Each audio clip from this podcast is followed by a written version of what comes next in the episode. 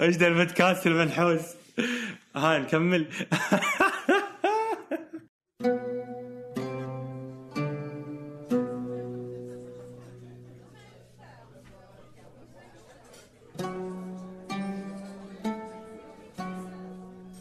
أهلا.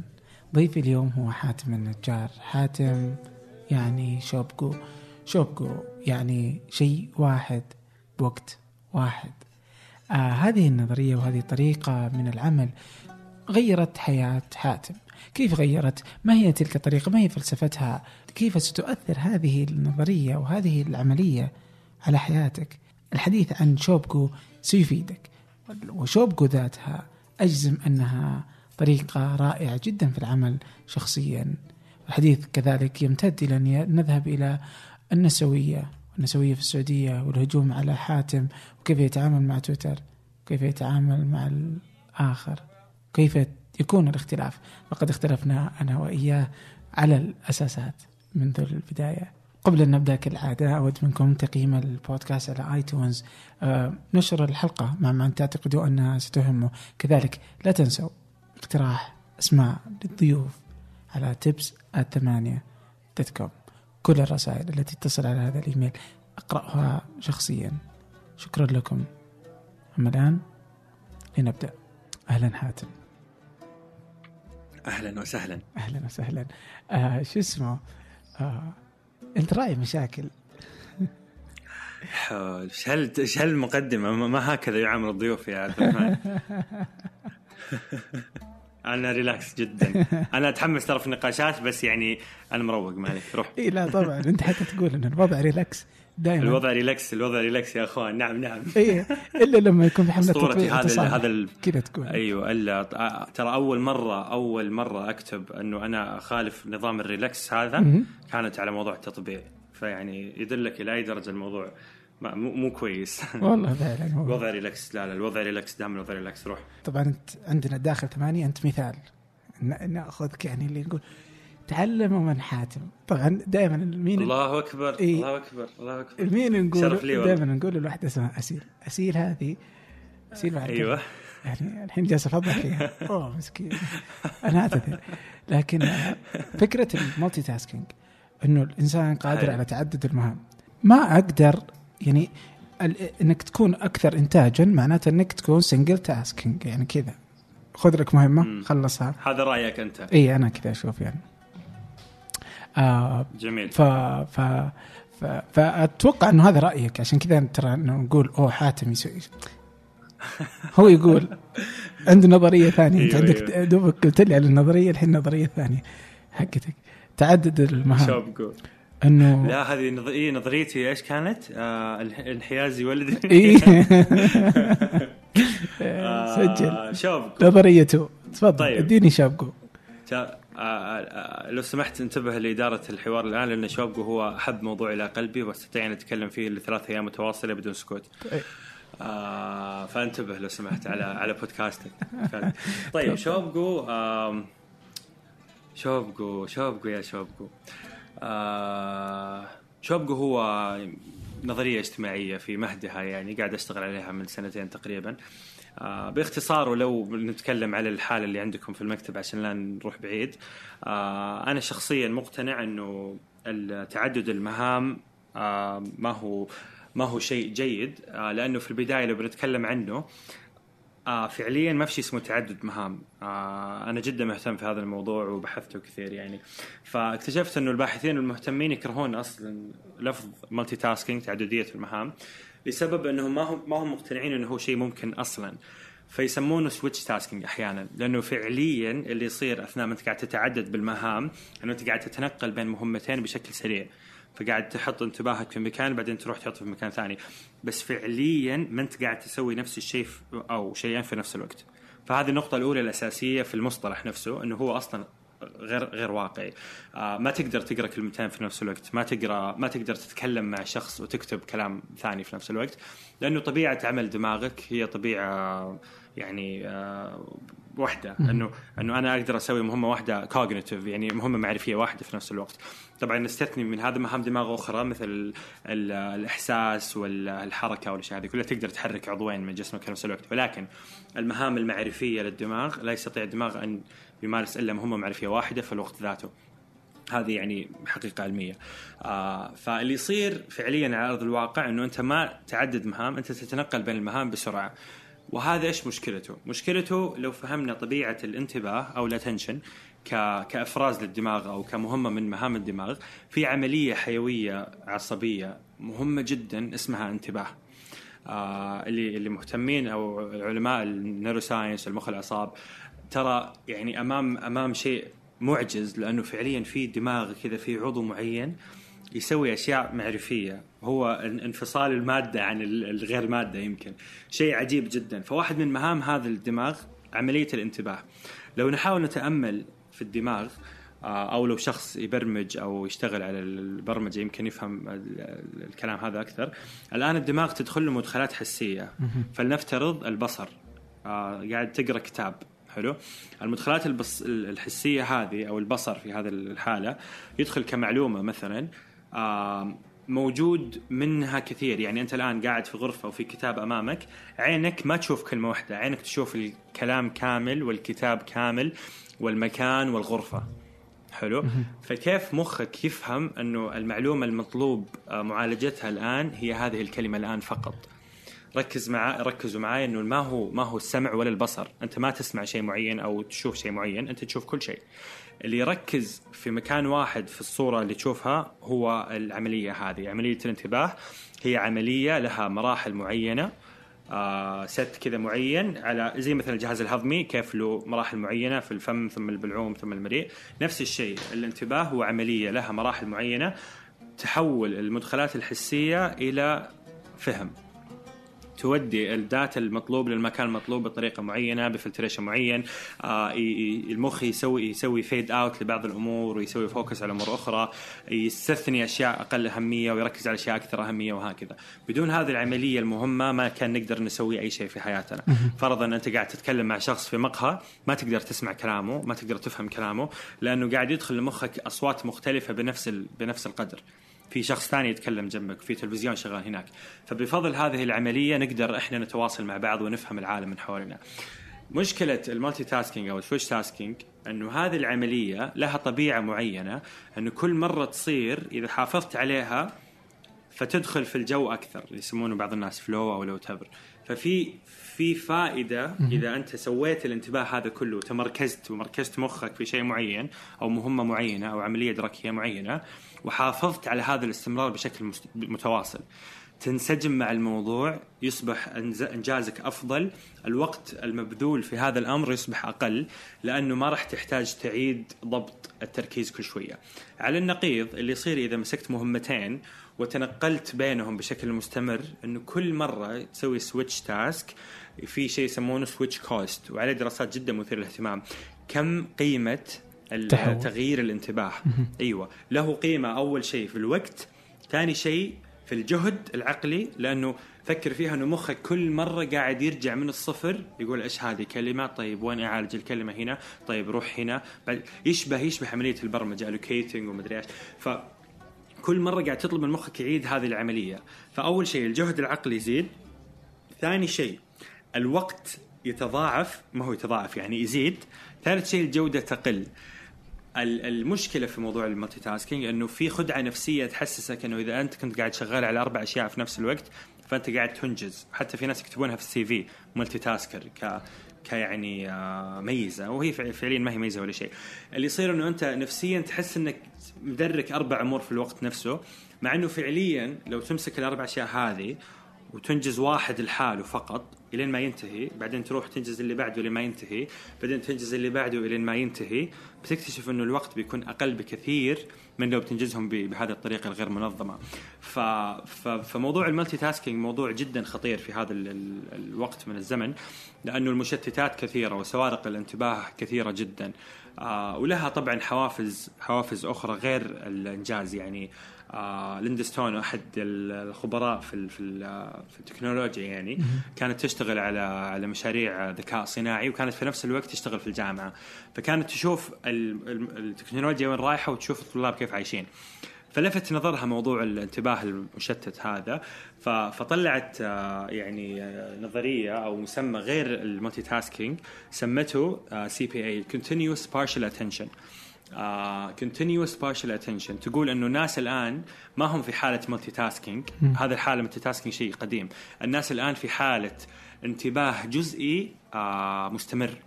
Okay. وهذه الحالة حافزها ما هو إنجاز المهام مثل ال multitasking حافزها هو البقاء على إنك you wanna still يعني you wanna be connected تبغى تكون موجود. تبغى تحس إنك تعرف إيش صاير في العالم وشايف الرسائل اللي تجيك في واتساب وعارف إيش آخر هاشتاج في تويتر وزي كذا. ما تحس إنك إن هي. لفت- يعني إنه إيوه ما تحس إنك مسحوب عليك ما تحس إنك منعزل عن العالم. آه ف ف فالموضوع فعليا له يعني دوافع مختلفة عن موضوع الإنجاز. فالآن إحنا نعيش في بيئة مشتتة آه من ناحية وأنا يمكن في شوبجو أحاول أعالج هالمشكلة آه وأحاول أشوف التشتت هذا ما هو فقط على المهمة الواحده على الحياة كلها. فمثلا إذا أنت ما كنت عارف إيش قاعد تسوي الآن قاعد تكتب وتقرأ وتسمع ومدري إيش وتاكل وتشرب. آه فأنت ما تدري إيش قاعد تسوي في حياتك غالبا.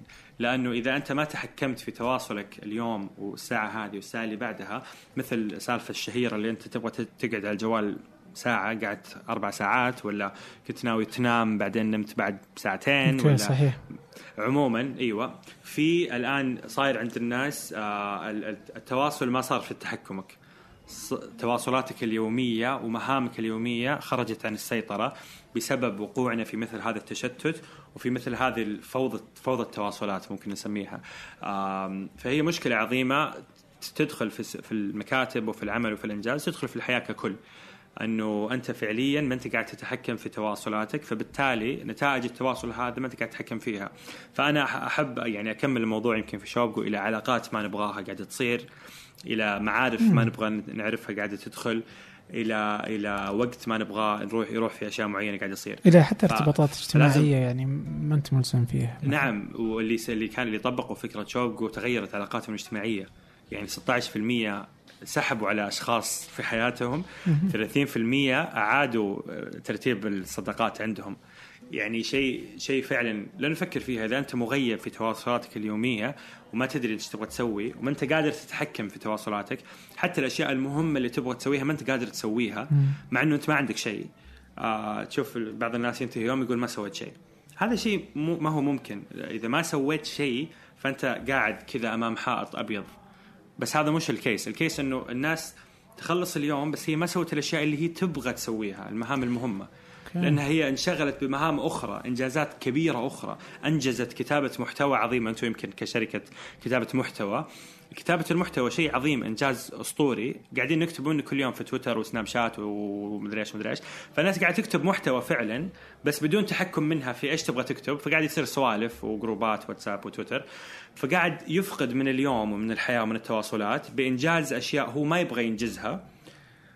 بالتالي يصير ما يقدر ينجز الاشياء اللي يبغى ينجزها. بس سالفة إنه انتهى يومك كنت ما سويت شيء هذا شيء غير منطقي. لأنه أنت سويت شيء.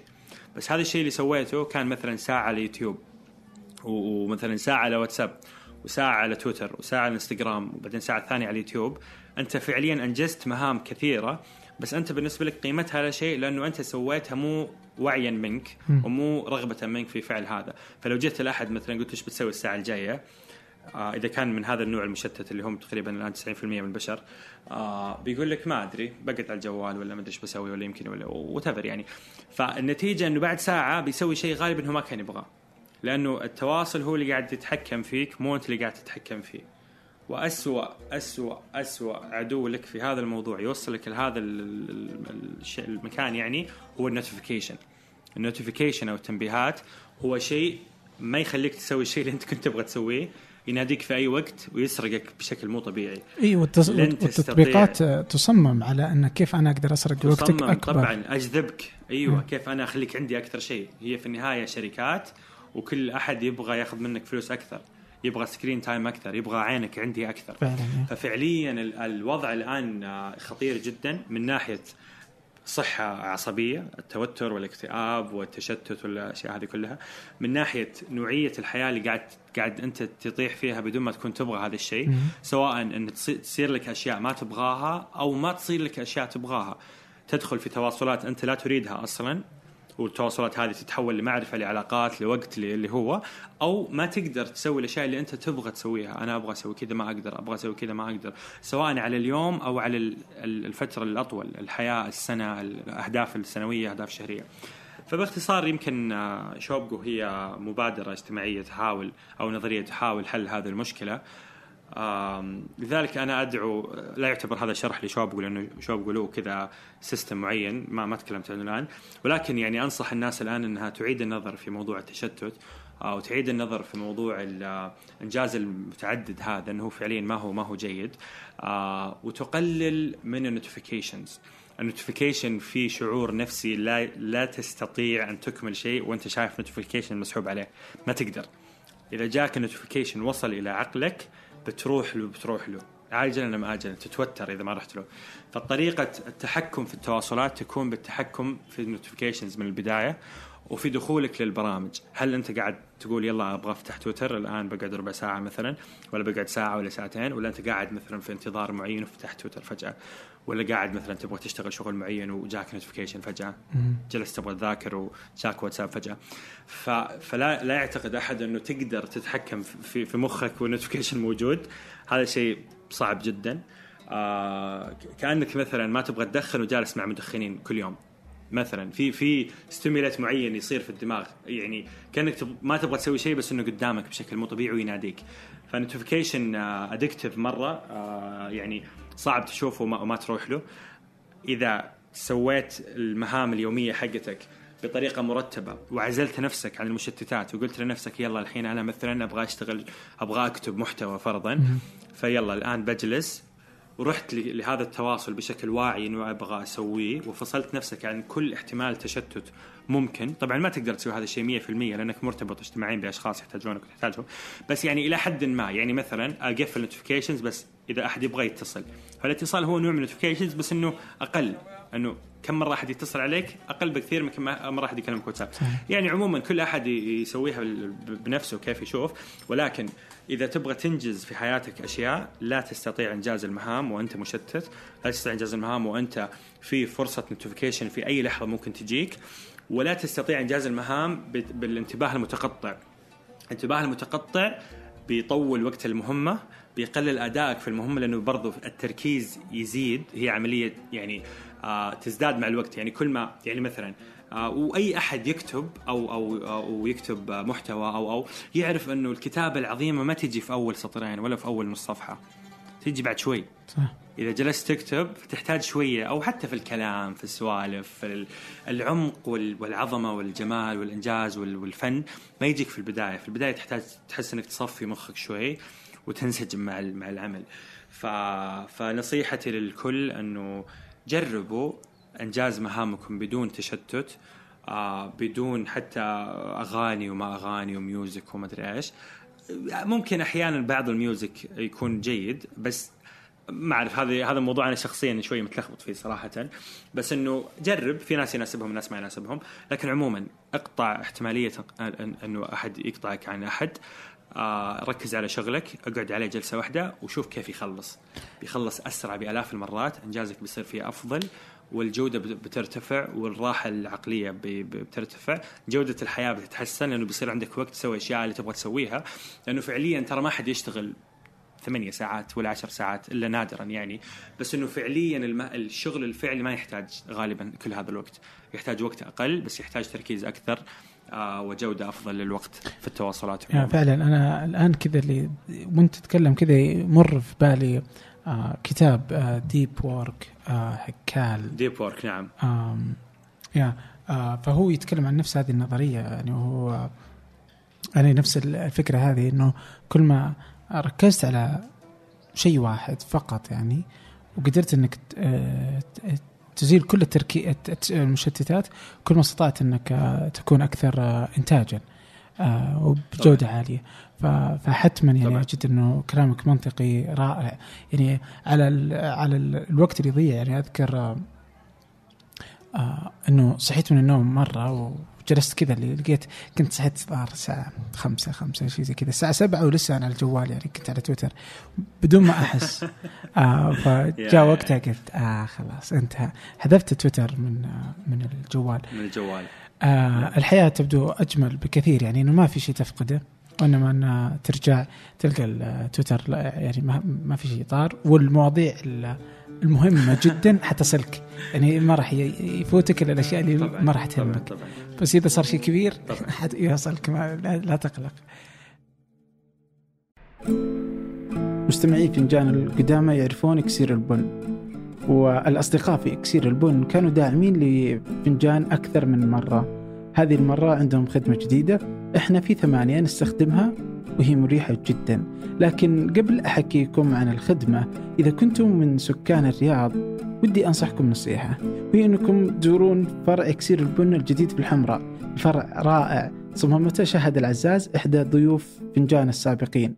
كنا في ثمانية في هذه الخدمة من أوائل الناس المشتركين فيها. هي اشتراك شهري عبر المتجر الإلكتروني تصلك نكهتين مختلفتين من البن كل شهر. شهر من السلفادور وكينيا شهر ثاني من إثيوبيا واليمن. ولا تتعب نفسك وتحتار وتختار.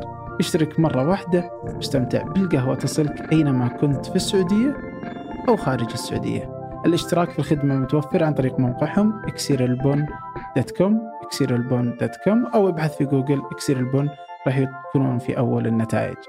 وي آه سواء اشتركت في الخدمة أو لا إذا رحت الفرع اهمس في إذن الساقي فنجان يمكن يعطونك قهوة ببلاش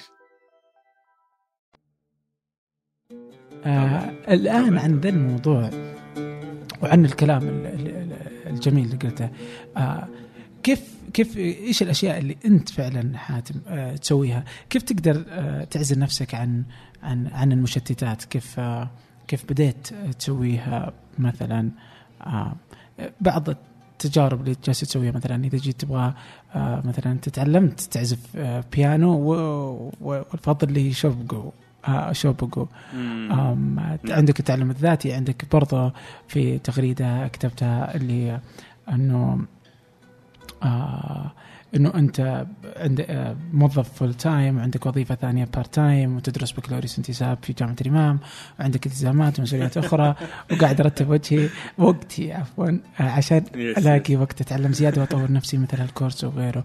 آه فاسمها مفضله واسمها ترتيب وقت. آه كذلك غازي القصيبي كانوا يقولون آه، عندما سئل إنه كيف تقدر ما بين إنك أنت أديب وتنتج آه، روايات رواية وشعر و- وأدب وغيره وكذلك هو وزير وكل هذا. وجالس يؤدي كل شيء بشكل مذهل يعني كما لو أنه أديب لوحده كان آه، بيكون لكفى يعني ولو وزير لوحده لكفى آه وهكذا. طبعا طبعا. فهذا له له طريقة. الآن حاتم إيش يسوي؟ كيف كيف بديت كذا حسيت إنه أنت تسوي يومك كيف طقوسك إذا كان لها طقوس؟ يعني أو إيش شروطك طيب، اذا كان آه، شروط كذا في حياتك يعني. شوبجو شوبجو كتطبيق آه، له ثلاث شروط. الشرط الأول أو الخطوة الأولى طبعا له مبدأ كام مبدأ عام. المبدأ العام إنه لازم تعتبر كل شيء كل شيء تسويه هو تواصل. يعني سماعك لأغنية هذا تواصل. قراءتك لكتاب هذا تواصل. قراءتك لنوتيفيكيشن لمدة ثانية هذا تواصل. آه، آه، جلوسك مع شخص آخر هذا تواصل. فهذا المبدأ العام إنه لازم تعتبر كل شيء تسويه تواصل. التنفيذ شوبجو يتم عبر ثلاث خطوات. الخطوة الأولى أنه أن تفعل التواصل بنية وقصد ولا يكون ردة فعل مفاجئة يعني أنا الآن بفتح تويتر بقعد ربع ساعة. هذا هو عن نية وقصد.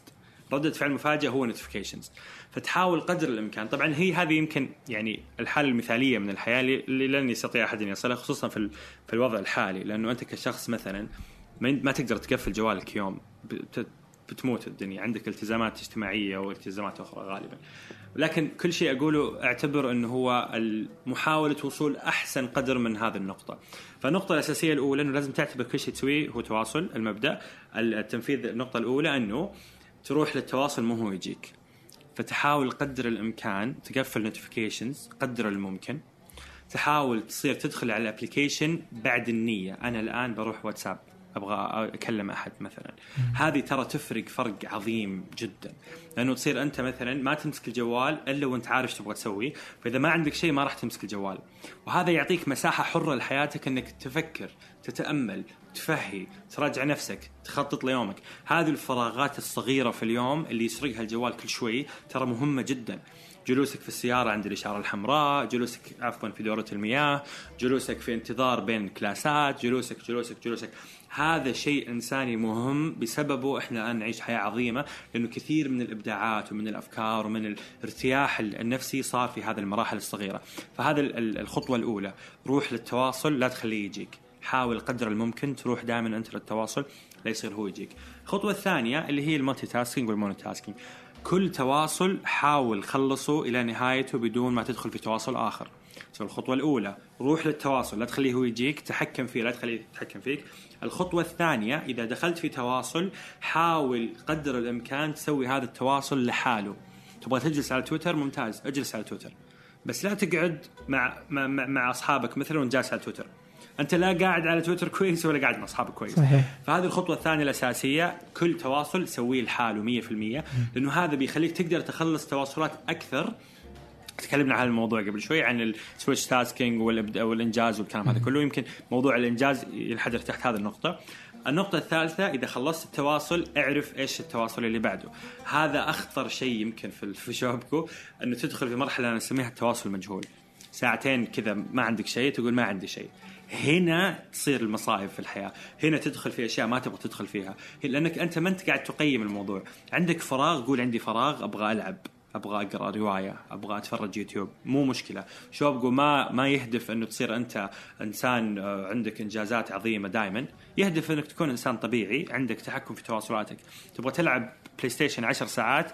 أنا أنا شخصيا ما أبغى أحل هذه المشكلة، هذه مشكلة أخرى روح حلها إذا هي كانت مشكلة فعلا يعني. ألعب PlayStation 10 ساعات لكن شوبجو يقول؟ إنه روح لل PlayStation وانت عارف انك تبغى تقعد 10 ساعات على ال PlayStation كذا ما عندي مشكلة. وإذا خلصت العشر ساعات إنك تقوم يعني. وإذا خلصت أعرف إيش تبغى تسوي. okay. بس فبهذه الطريقة يعني بهذه الطريقة أول شيء يصير موضوع التواصلات ال- الغير آه، منوي لها تختفي تماما. آه طبعا ما راح تختفي تماما زي ما قلت هي حالة مثالية بس تحاول قدر الإمكان توصل لها. آه فتصير عندك تحكم أكثر يصير عندك ارتياح أكثر آه يصير عندك فراغ في مخك أكثر يصير عندك إبداع أكثر يصير عندك مراجعة للنفس أكثر يصير عندك مراجعة للضمير أكثر. يعني شوبجو زي ما قلت لك أحاول أنا أشوف الموضوع حتى من ناحية نفسية. الناس اللي يسووا شوبجو تغيرت حياتهم من نواحي مخ- مختلفة. اللي طلع من الوظيفة بسبب شوبجو اللي فتح مطعم في مطعم هنا في جدة فتح بسبب شوبجو اللي غير عادات سيئة في حياته بسبب شوبجو لأنه مشكلة حشو كل اللحظات الفاضية في حياتك بتواصلات مشتتة أنه أنت ما أنت قاعد مع نفسك ولا ولا مرة في اليوم. أنت دائما مشغول بأشياء أخرى فما في فرصة التفكر الذاتي ما في فرصة التأمل ما في فرصة مراجعة النفس ما في فرصة مواجهة النفس مواجهة الضمير. أنا غلطان أنا سويت شيء غلط أنا عندي عادة سيئة أبغى أوقفها. هذا كله ما هو موجود لأنه أنت قاعد تقاطع جلوسك مع نفسك مباشرة بجلوس مع شيء مع شيء آخر ب Snapchat ولا بتويتر ولا بفيديو ولا ب music ولا ب whatever ففي تغير جذري يصير في حياة الناس اللي تطبق هذا النظام خصوصا لو كانت في الشق البعيد جدا عنه في تشتت كان سيء. فهذه ببساطة هذا شوبكو أن لازم تعتبر كل شيء تصير تواصل لازم تحاول قدر الإمكان تروح للتواصل. مو هو يجيك الخطوه الأولى الخطوه الثانية. اذا إذا سويت تواصل حافظ عليه بشكل مستمر. هذا الموضوع في في إنجاز المهام الخطوة الثانية يعطيك إنجاز أفضل. في الحياة الاجتماعية يعطيك حياة اجتماعيه أفضل. إنه فعليا أنت تستمتع بالجلسة. مشكلة مثلا واتساب والكلام هذا كله إنه تحس إنك دائما تعرف عن الناس كل شيء فما تقابلهم. اللي يسوي شوبجو غالبا قل تواصلهم ال- الافتراضي وزاد تواصلهم الحقيقي والناس شافوا بهالموضوع قيمة عظيمة جدا. آه طبعا في تحديات هنا إنه أغلب الناس ما هم شوبجو فأنت فجأة يلا أنا شوبجو رحت المجلس ولا رحت الاستراحة ولا رحت ال- الصالة ولا أي شيء فجأة كل واحد جالس على جواله. في تحديات في يعني في صعوبات ولكن إذا قدرت توفر لنفسك بيئة جيدة من التركيز ومن الشوبقة آه فأنا أضمن لك إنه حياتك بتتغير تغير جذري خصوصا لو وضعك الآن كان انك دائما على الجوال ودائما كل فترة فراغ مسكت جوالك مجرد هذا السلوك لحاله ترى مدمر كل مرة قدرت تمسك جوالك مسكت جوالك هذا السلوك مدمر جدا. لأنه يسلب منك شيء كبير في إنسانيتك وهو جلوسك مع نفسك. والجلوس مع النفس هذه مرحلة عظيمة في اليوم. يعني بالمناسبة كنت بقول actually بس ترى عبد الرحمن نبهني أحاول ما أتكلم إنجليزي كثير. وأنا شخصيا ما أحب أتكلم إنجليزي كثير.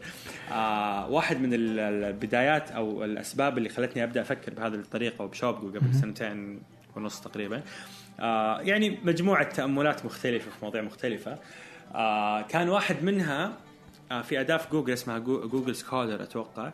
آه تعط- تعطيك آه إمكانية البحث في الكتب الموجودة عند جوجل. فجوجل الآن عنده كتب كتب مكتوبة يعني عن مختلف المواضيع جوجل يكتبها مسجلها عنده. فتقدر تبحث من 200 سنة ماضية تقريبا الكلمة هذه قديش كانت متكررة في الكتب. فتفهم إنه هذه الكلمة كانت مزدهرة في سنة معينة طاحت الحروب متى ازدهرت؟ ال- السلام الكلام عن العصافير الكلام عن التكنولوجيا وهكذا. اداء اداء يعني مثير للاهتمام جدا. فكان أنا عندي فرضية إنه لأننا صرنا ندخل جوالاتنا لدورات المياه الإبداع اللي في دورات المياه صار أقل. آه معروفة سالفة إنه أوه فكرة عظيمة طلعت لي بالحمام. أكرمكم الله. خلاص بقولها مرة واحدة عشان أقدر أتكلم. إيه. أكرمكم الله. أكرمكم الله. ف... فمعروفة سالفة إنه فكرة حلوة طلعت في الحمام. فكان عندي فرضية إني لو بحثت ب bathroom ideas بلاقي انحدار كبير في الموضوع. بحثت bathroom ideas ولقيت فعلا إنه بدأت تنحدر انحدار كبير بدايه من 2004 تقريبا. آه الشيء الصادم كان ما هو انحدارها كان هو نشأتها. فصدمت جدا لما اكتشفت هو اكتشاف سخيف صراحة. أنه ترى ما كان في شيء اسمه bathroom ideas من زمان. يعني أقصد ما كانت ظاهرة أنه الإنسان ينتج أفكار جيدة أثناء قضاء الحاجة. شلون بدأت؟ وهذا شيء مخيف. بدأت تقريبا في 1800 وأنت لو الآن تفكر فيها في التاريخ وفي القصائد وفي ال... في ال... ما يعني ما, ما هو معروف عن الإنسان الت... في التاريخيا أنه هو ينتج أفكار أثناء قضاء الحاجة. شيء ما هو يعني ما ما ما هو ما هو ظاهرة يعني. آه تقريبا يعني حسب البحث ظهرت في تقريبا بداية 1900 الفرضية أنه مع ظهور الأجهزة الكهربائية في المنزل صار دورة المياه هي المكان ال- الوحيد. فاللي خوفني إنه السلوك البشري قاعد يروح ويجي بدون ما إحنا نحس يعني. يعني فجأة البشر كانوا مبدعين في أي مكان أي مكان هو م يعني مك في بوتنشل إنك تبدع فيه. وأنت ماشي وأنت تنتظر في الحديقة في الباص في السيارة آه في, في, في الصالة في أي مكان عادي الإنسان ينتج أفكار يعني. ما جت على قضاء الحاجة يعني ما في رابط معين بين قضاء الحاجة وإنتاج الأفكار. فجأة صار الإنسان ازدهر في انتاج الافكار أثناء قضاء الحاجة. آه، فجأة انخفض في هذا الشيء نشأ شيء جديد. يعني لو تبغى تحاول تسوي guessing إيش إيش الشيء اللي نشأ بعد ما اندثر هذا ال bathroom ideas شيء مرة مشهور. المشي ما أدري.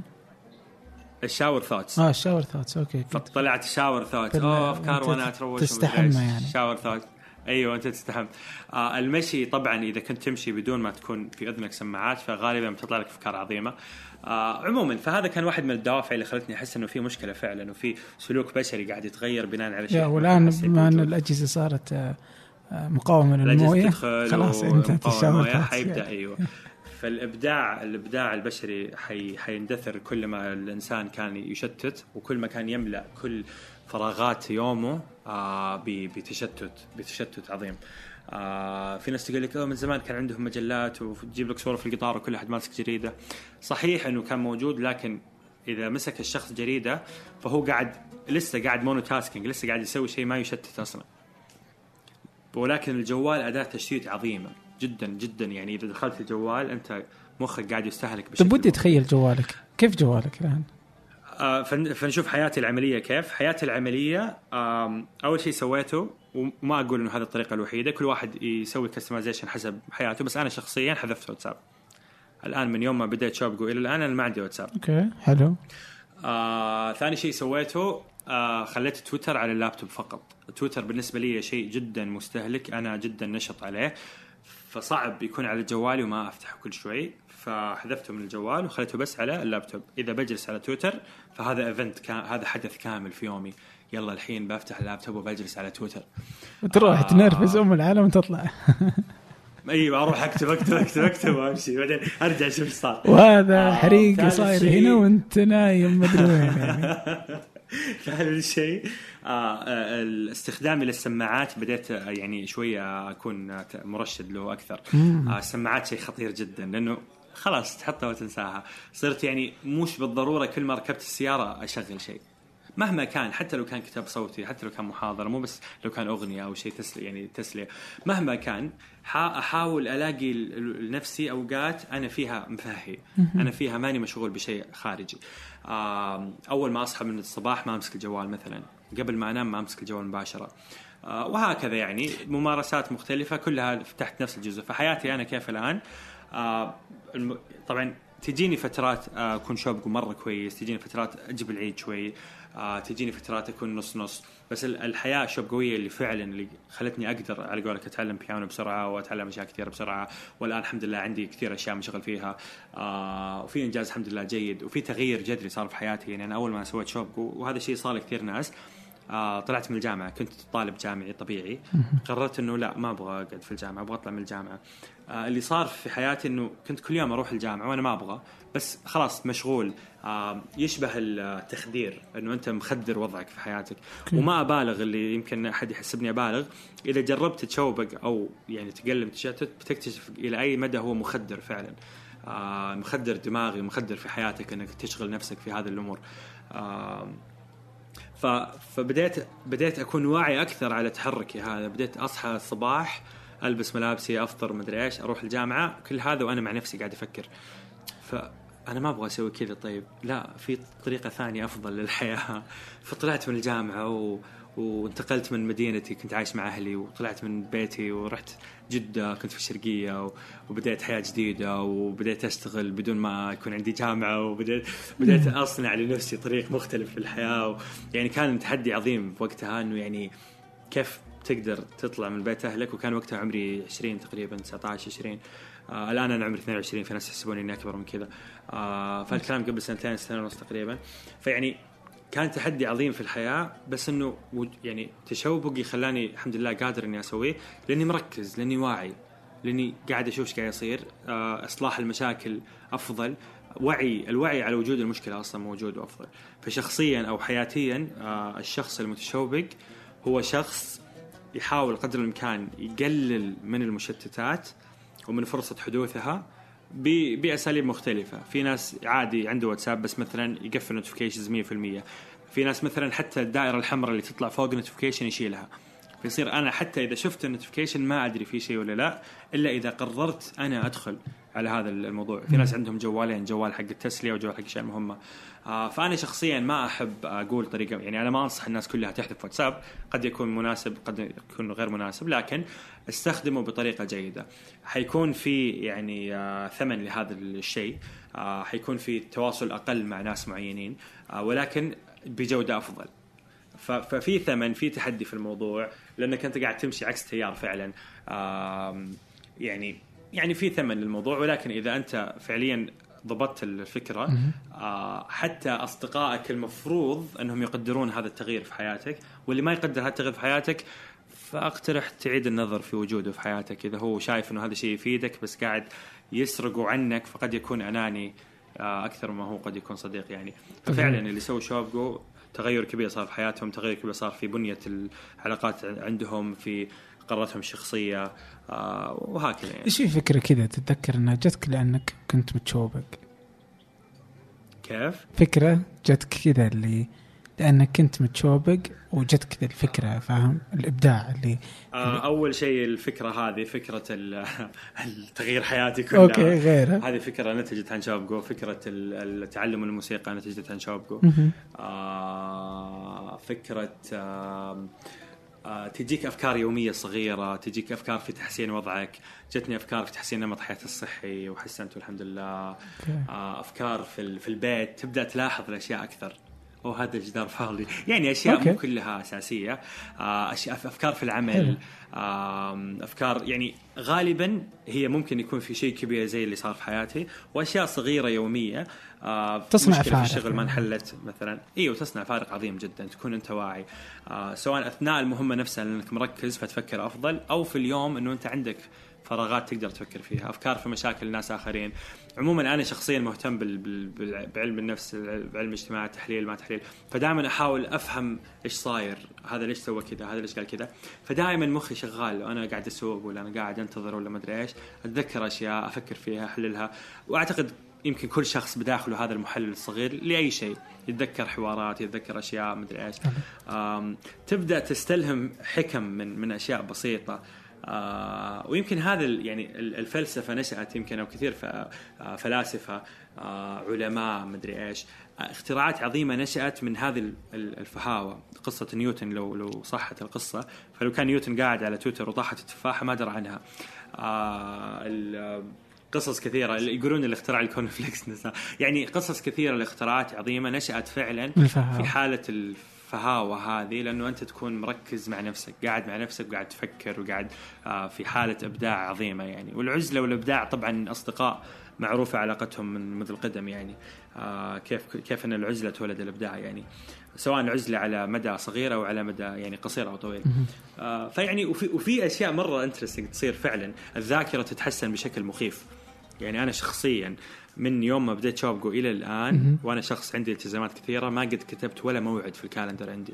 آه. خلاص صرت أحفظ مواعيد بما فيهم هذا الموعد. جميل جدا. آه ما قد كتبت ولا موعد عندي شغل عندي اجتماعات عندي عمل تطوعي nice. عندي جا- جامعة عندي اختبارات عندي عندي آه، معاملات حكومية عندي كل شيء عندي أصدقاء عندي طلعات. ما قد كتبت ولا موعد وما قد الحمد لله نسيت ولا موعد. صرت أستخدم ذاكرتي وما هو شيء عظيم. هذا الآن ذاكرة طبيعية. الذاكرة الموجودة عند الناس الآن هي اللي هي اللي خربانة. وأنا كنت كنت مرة إنسان ذاكرتي خربانة وكنت أعتقد إنه أنا فيني زهايمر مبكر. آه أنسى كل شيء. بس فعليا اتضح إنه هذا يعني بسوء استخدامي لذاكرتي وصلت لهالمرحلة يعني. بس يعني استخدمت مخي بشكل جيد وبشكل صحي وصار مخي الحمد لله يعطيني نتائج جيدة. آه فذاكرتي صارت الحمد لله أفضل بكثير. آه تعرف اللي في السالفة اللي آه وين كنا؟ إيه. وكل أحد ينسى تقريبا تقريبا صارت ما تصير لي ابدا. فدائما إذا كنا بسالفة واحد نسى هو وين كان أنا أذكره وين كان وأحس بإحساس جيد إن أنا ذاكرتي كويسة. لا لا جميل. فالذاكرة لها فائدة عظيمة ال- الصحة لها فائدة عظيمة. العصبية ترى تقل بشكل مو طبيعي ألاحظها لما أسوق. لأنه برضو في ال- في الفترة هذه برضو لا أزعم إني أنا شخص مثالي كنت دائما شاب جتني فترات كنت أنفس كذا اللي خلاص أبغى أبغى أتشتت عرفت؟ لأنه فعليا التشتت إذا تش- تشوبكت آه، تعرف إذا كنت ماشي على نمط حياة صحي وتبغى تجيب العيد. تروح تاكل أكل سيء أنت عارف إنه سيء بس كذا تخريب. تقريبا نفس الشيء في شوبجو آه فتجيني حالات اللي كذا آه أعارض الحياة بإني أصير مو شوبجو كذا أروح أتشتت وأرجع ال applications وكذا. آه أوكي. طيب إيش معنات شوبجو؟ وهذا يمكن أيوه. شوبجو هي اختصار لشيء واحد بوقت واحد. أها. آها أها. شوبجو شيء واحد بوقت واحد شيء واحد آه، yeah. وقت واحد قد يكون هذا الشيء نعم. هو الجديد بحياتك يعني نعم ها إيوه هذه التغريده قد يكون هذا الشيء الجديد في حياتك اللي كنت آه، الحمد لله التغريده انتشرت انتشار جيد المقطع الصوتي في انستغرام في سنا... في ساوند كلاود. آه الحمد لله برضه انتشر فيه الظاهر 60 ألف استماع أو شيء. الآن آه كنت في السنة الأولى مركز على الموضوع بعد سنة حسيت بمسؤوليه وحجم الموضوع. آه وقفت نشر يعني لي فترة ما أنشر الموضوع ما أتكلم عنه لأني قاعد أحاول آه أشتغل على الموضوع بجدية أكبر ب آه بقيمة علمية أكبر خلينا نقول. قاعد أحاول أبنيها كنظرية علمية رصينة يعني. ف والله لي فترة ماني يعني. مو قاعد أنشر. فقد قد إن شاء الله يصدر شيء آه، قريبا. آه، شوبجو في حلة أكثر جدية وأكثر علمية وأكثر آه، كشخية. المتشوقين لها. والمتشوقون لها إن يعني. شاء الله إن شاء الله. آه يا حاتم. يا أخي آه يعني في تنشر أنت عزفك البيانو؟ آم، البيانو هو شيء ولا شيء يعني شخصي كذا يعني؟ شيء شخصي عرفت اللي شيء حلو لطيف في حياتك. فقد نشرت كم مرة بس إني ما أركز على موضوع النشر يعني. وما أعتبر يعني فعليا ماني مرة فنان يعني. آه مجرد هواية بسيطة حبيت أدخل شيء جديد في حياتي وحلو صراحة. بس لازم تجي بها. مرة طيب عادة يعني. إضافة. الحين ترى جنبي البيانو إذا نبغى نعزف شوي نقدر نعزف يعني. والله ليش آه بس إنه ما بس لا يعني ودي إنك تعزف في الاسوريه أيوه أذكر. أيوه أيوه أنت صح صح أذكر آه، كلمتوني. لا ما أحب ما أحب آه، أظهر كعازف عرفت؟ إي ما في مشكلة. آه بس عشان. يعني ما أحب لا كذا كذا استخدام. لا لا والله جد ما أحب أطلع ك- كعازف لأنه بالنسبة لي يعني ما هو شيء ما هو الشيء اللي حاب أقدم فيه يوم من الأيام. آه، مو مو لشيء يعني مو إني أشوف إنه الموسيقى شيء مو جيد ولا ولا من هالقبيل. لكن أنا شخصيا مو هذا اهتمامي الأكبر ولا أبغى يعني آه، يكون آه، هو بوابتي للمجتمع يعني.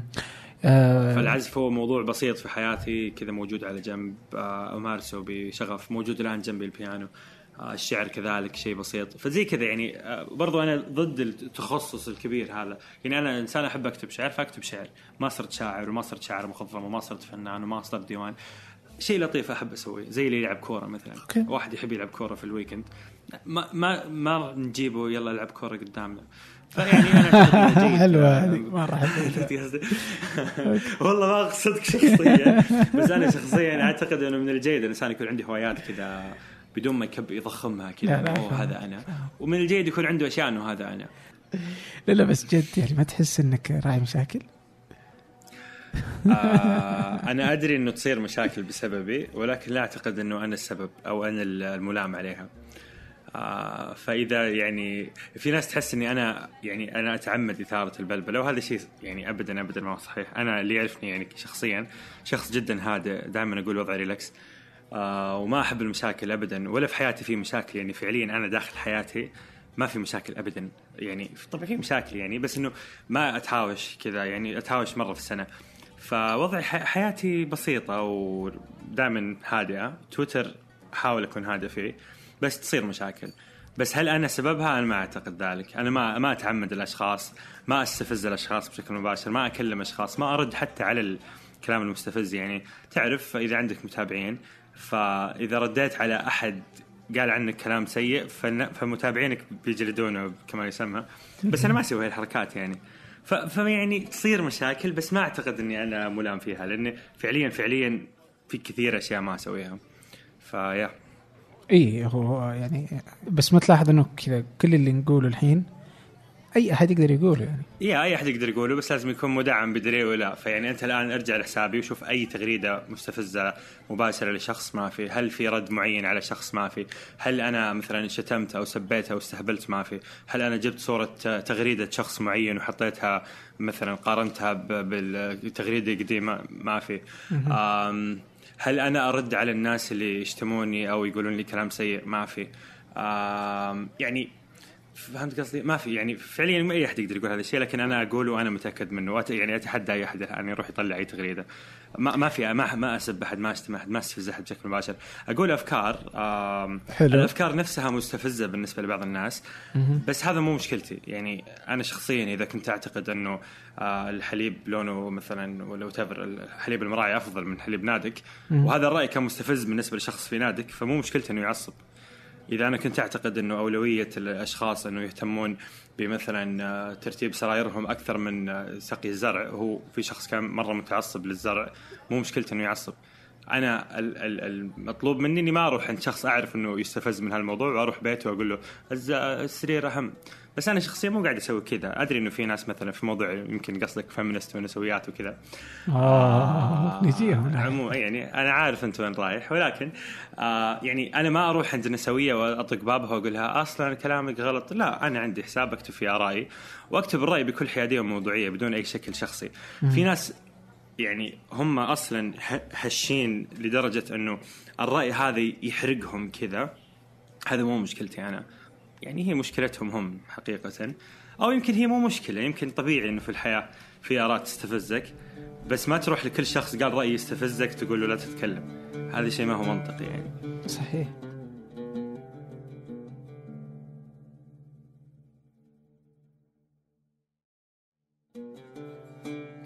طيب آه يعني أنت تشوف إنه مسألة مشاركة الآراء أو حتى الأفكار يعني مثلا تبقى يعني إنه عادي الواحد يقدر يقول رأيه في أي شيء. يعني يقدر يقول مثلا إنه هذا مفترض إنه ما يزعل أحد. أنا أقول إنه أنت كشخص المفروض ما تزعل أو تأخذ الموضوع شخصيا إنه في أحد قال راي أنت تشوفه آه مثلا ما يناسبك شخصيا. يعني قد لا يعجبك الرأي وهذا شيء طبيعي لأنه في النهاية الناس خصوصا الآن في فوضى فكرية يمكن. آم، فأكيد بتشوف أشياء مستفزة. أنا شخصيا يستفزني إذا شفت واحد مثلا يطبع مع إسرائيل. أعتقد أنك تشاركني هذا الرأي. بس إنه يعني هل أنا كل ما أحد قال شيء بالنسبة لي خطأ لازم أروح أعتبر إنه هو كلمني أنا بشكل شخصي؟ هذه هي مشكلتي مع يمكن الموضوع الفيمينست. آه فيعني أنا ما أستفز أحد بشكل شخصي أنا أقول آرائي. آرائي أنا أعتقد إنها يعني موضوعية وحيادية ولها مرجعية. آه أعتقد إنها إسلامية إلى حد ما وأشوف إنها منطقية. فكون الناس تستفز ما أشوف إنه يعني شيء آه يعني قد يكون خلل في الموضوع. الأسلوب شيء مهم وأنا شخص مقتنع جدا بقيمة الأسلوب. أنا أعتقد إنه الرسالة الأعظم وال- والحق الأكبر آه لما لما الله سبحانه وتعالى أعطى الرسول صلى الله عليه وسلم أنه ينقله لنا أرسله لنا قال له ولو كنت فظا غليظ القلب لانفضوا من حولك. وأنا هذا شيء دائما موجود وحاضر في بالي أنه مهما كانت الرسالة صحيحة ومنطقية وسليمة وحق وكل شيء الأسلوب مرة يفرق. فأنا شخصيا ما أشوف أنه صحيح تجي برساله صحيحة تستفز الناس وتقولها بأسلوب سيء لأنه ما يعني في النهاية إحنا كبشر يمكن عاطفيين قبل ما نكون منطقيين يعني. يعني ما أقدر أتقبل منك شيء إلا بعد ما أتقبلك كشخص. ف... فأنا شخصيا إذا تكلمت اراعي تماما أني اكون أني أتكلم بأسلوب ما يكون مستفز وأسلوب يكون محترم. آه وقاعد أتطور في هذا الشيء شيء فشيئا يعني آه لكن هو فعليا يعني شيء موجود وحاضر في بالي. كل ما كتبت تغريدات واذا إذا حاب الآن نرجع على تغريدات كتبت واستفزت بعض الناس وأقول لك لايف كيف لما كنت أكتبها قاعد أحاول أخففها وبدائل كان ممكن أقولها ما قلتها بتكتشف فعليا إنه هذا الموضوع يعني أنا مهتم فيه. بس إنه في ناس تعصب لسه هذا شيء هذا شيء طبيعي هذا شيء من طبيعة الناس ال- اللي قاعدة تتكلم عن الأفكار اللي ما يحبوها أعتقد. إي طبعا يعني مثلا بس يعني هنا المش... الم- المسألة تصبح نسبية مرة نسبية يعني كثير من يعني أقدر ترى والله أقدر يعني كل اللي أنت تكتبه طريقتك في الكلام تعجبني يعني ما أدري مرة يعني ونادرا ما نختلف على على مثلا شيء يعني من اللي أنت تكتبه يعني. آه لكن لكن تبقى أن الأمور كثير منها نسبية. يعني ما تعتقده منطقي مثلا هو أو حتى عقلاني هو يعني إيش المنطق بالنسبة لك يعني؟ ما هو منطقي بالنسبة لك هو غير منطقي بالنسبة للآخر صح؟ هذا موضوع نسبي حنخش في جدل عدمي. فالسؤال الأهم السؤال الأهم هل يوجد هل يوجد صواب؟ هل هل توجد حقيقة؟ يمكن هذا السؤال. إذا إذا اتفقنا إنه موجودة أصلا فيصير ال- النقاش شوية في أرضية مشتركة. بس إنه يعني في بعض في أفكار معينة إنه ما في أصلا حقيقة. في أفكار عدمية موجودة الآن في في الواقع وفي في تويتر وفي كل مكان إنه ما في أصلا حقيقة ما في شيء واحد صح؟ فأنا ما أشوف هذا الشيء صح؟ أنا أشوف إنه في حقيقة وفي شيء واحد صح؟ و...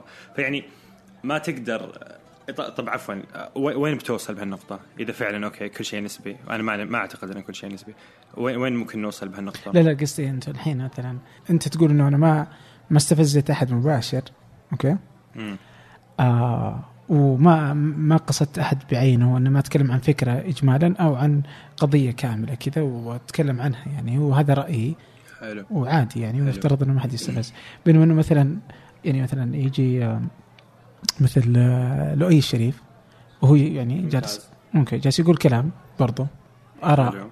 آه اللي- الخاصة فيه آه يتكلم عن رأيه في قضية معينة ويقولها يعني بينما إنه كثير من الناس يعني ربما يعني اللي يشوفونه مستفز جدا يعني إنه تشوف إنه عادي الآن آه كل مين يتكلم في أي شيء آه أنا أشوف إنه ال ال في مقدسات في أشياء لها طريقة معينة للوصول لها آه العلم يجب أن يحترم العلم سواء العلوم الإنسانية أو الطبيعية أو إنهم العلم الشرعي. آه فأشوف إنه من الخطأ إنه أنت كشخص خطأ أولا في حقك وخطأ في أمانة ال- المكان أو المنبر اللي قاعد تتكلم عنه أنك تتكلم بدون علم. آه والعلم شيء يعني العلم عملية جدا جدا يعني مقدسة بالنسبة لي. فمثلا في حالة لؤي الشريف لؤي الشريف جاء مثلا فسر القرآن بالآرامية. طيب المشكلة ما هي المشكلة إنه أنت رأ- رأيك حر ما رأيك حر المشكلة إنه كيف يعني كيف تقدر تدخل في هذا المجال بدون ما يكون عندك أساسياته. آه ما هي مشكلة إنه رأيك جديد أو قديم أو أو أو, أو. نتيجة هذا الأمر لؤي دخل مثلا مثال لؤي الشريف دخل وفسر القرآن بالآرامية هذا شيء عقدي يمس الناس في في عقائدهم. تبغى تتكلم فيه أهلا وسهلا لكن خلي عندك الأدوات اللازمة. تبغى تتكلم عن مثلا أكل معين خلي عندك أدوات لازمة عشان الناس لا تتسمم. تبغى يكون تبغى تتكلم في تفسير القرآن. يا أخي افهم أدوات تفسير القرآن كعلم يعني. يعني هذا أعتقد شيء مرة بسيط ومرة بيسك فافهم يا أخي كيف يفسر القرآن وكيف اللي قبلك فسروا بك بك بكل بساطة. اللي صار لو قلت هالكلام أول ما لؤي فسر الأرامية كان بعض الناس ما أعرف يمكن أنت منهم قالوا لي لا أنت شرير وخطأ. اللي فعليا على أرض الواقع بعد فترة لؤي اكتشف أشياء أنه هو كان غلطان فيها. معليش لؤي واحد من الأشياء اللي قالها مثلا عشان أشوف خطر إنك تتكلم بدون مرجعية وعلم. كان في كان في آه، الظاهر في التوراة واصل ليه وأخذ بيديه الظاهر باللغة الأرامية. عموما الشاهد أنه فسر وأخذ بيديه أنه هو آخذ بيده. يعني عرفت؟ إنه جاب لغة قديمة وفسرها بالتشابه الصوتي مع لغة العرب. هذا أيضا هذا ما هي مصيبة. فما أدري وين المصيبة. فالنتيجة الآن إنه لؤي اعتذر وطلع إنه غلط وإنه لا أنا هذا الكلام كنت غلطان فيه وزي كذا. نفس الشيء رجع لؤي مثلا قبل كم يوم وقال حقية اليهود بفلسطين ومدري إيش ومدري إيش. بعد كم يوم رجع اعتذر قال أنا سألت العلماء والمختصين فهموني إني غلط وأنا آسف. فأنا اللي أقول عموما يمكن لؤي كنموذج إنه في في جزء من القداسة للعمليه للعملية العلمية.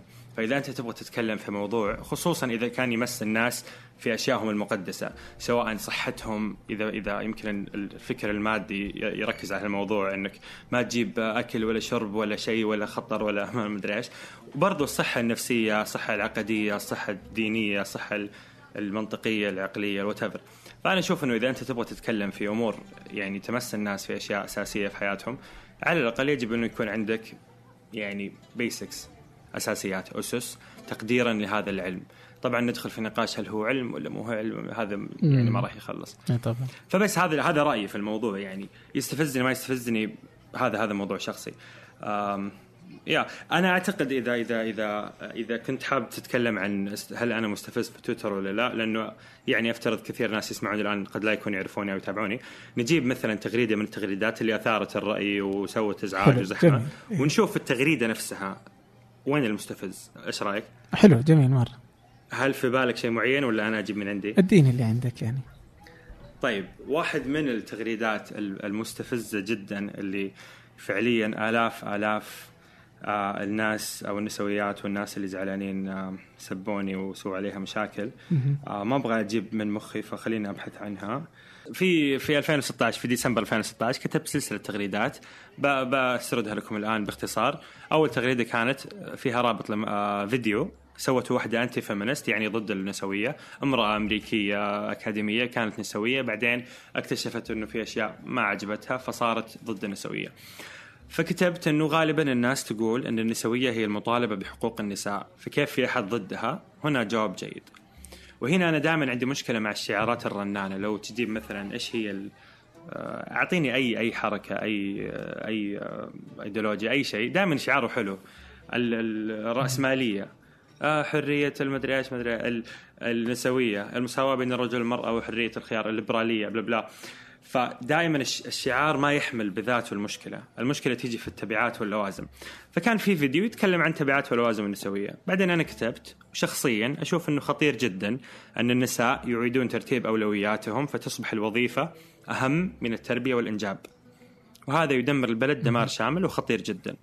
كل ثنائي في الطبيعة يتكون من علاقة تكاملية. طرفين واحد بلا بلا بلا بلا بلا بلا سلسلة طويلة ما, ما هو وقت أتكلم عنها الآن. المهم أنه هذه سلسلة تغريدات اللي حاب يبحثها موجودة الآن. ما فيها أي بحثها في الرابط في الوصف. م- موج أوكي. ما فيها أي شيء يعني شخصي ما فيها أي شيء استفزازي لمشاكل النساء مثلا. يعني شخصيا أنا أنا أنا بتقديري الشخصي هي موضوعية جدا. حلو؟ فالناس أخذت هذه التغريدات وكيف أنت مدري إيش بلا بلا. ومين أنت عشان تحكم أصلا أنا إيش اللي أحسن لي؟ ومين أنت عشان تقرر حياتي؟ وأنا مو بس أنا وظيفتي آه، بقرا أقعد آه، أحلب وأفرخ وبلا بلا بلا بلا. وبعدين حتى أنا جبت الردود هذه وصنفتها في أبواب. طيب حطيتها في أبواب الردود على على على التغريده هذه. ولو لو دقيقة بس بجيب الأبواب. فأنا الردود اللي جتني من هذه التغريدات اللي بيعطيكم رابط عبد الرحمن أوكي؟ الردود جتني في مجموعة كبيرة من الردود حطيتها في أبواب لأني أنا فعليا أبغى أفهم الفكر هذا. المهم الباب الأول كان آه شو اسمه؟ دقيقة وين؟ باب من حقنا نقرر اللي نبغاه وما حد له دخل فينا. جمعت يمكن 20 30 رد من هذا النوع. إنه أنا على كيفي أسوي اللي أبغاه. المشكلة في هذا ال- ال- الباب إنه طيب أنا ما جيت قلت لك ما جيت أنا مسكتك كذا وقلت لك الآن روح يسوي كذا. يا أخي أنا الطبيب إذا قال يا أخي لا تدخن الدخان مضر هو ما ما صار وصي عليك. ما جاء عندك وسحب منك سيجارة. هو قاعد يقول لك النصيحة هذه. إذا أنا قلت لك مثلا لا تروح من هذا الطريق ترى زحمة أنا ما تحكمت في حياتك. أنا أعطيتك نصيحة أنا أعطيتك statement أعطيتك جملة أنا أشوف إنه الحياة كذا أفضل. خذها واتركها يعني. فأنا لما أقول إنه أنا شخصيا واضح التغريده شخصيا أشوف إنه خطير هذا الموضوع. ما جيت قلت لوحدة أنت ولا جيت مسكت واحدة مثلا أختي ولا زوجتي ولا ولا أمي ولا هو ففي فرق كبير في هالموضوع. عموما هذا باب في ردود في يعني mentions كثيرة من هذا النوع. الباب الثاني آه الرجال خايفين نفوز عليهم. وهذا بالنسبة لي مرة مضحك يعني صراحة. ما يعني ما أبغى أتكلم لأنه ما أبغى أقول شيء مستفز. فأنا بالنسبة لي هذا هذا الباب سخيف جدا. الباب هذا فيه ردود برضو جمعتها أنه أنتم بس خايفين إحنا نفوز عليكم لذلك قاعدين تمنعونا وتكبحونا ومدري إيش. الباب الثالث وظيفتي بس أفرخ. وهذه مشكلة ثانية. إذا افترضنا أنه أنا قاعد أقول أنه التربية أهم من الوظيفة فأنا ما قلت انه وظيفتك فقط التفريخ. أنا قلت إنه التربية أولوية وأنت لك لك باقي الأشياء الأخرى. بس ما قلت أنت فقط هذه وظيفتك في الحياة وفي فرق كبير جدا.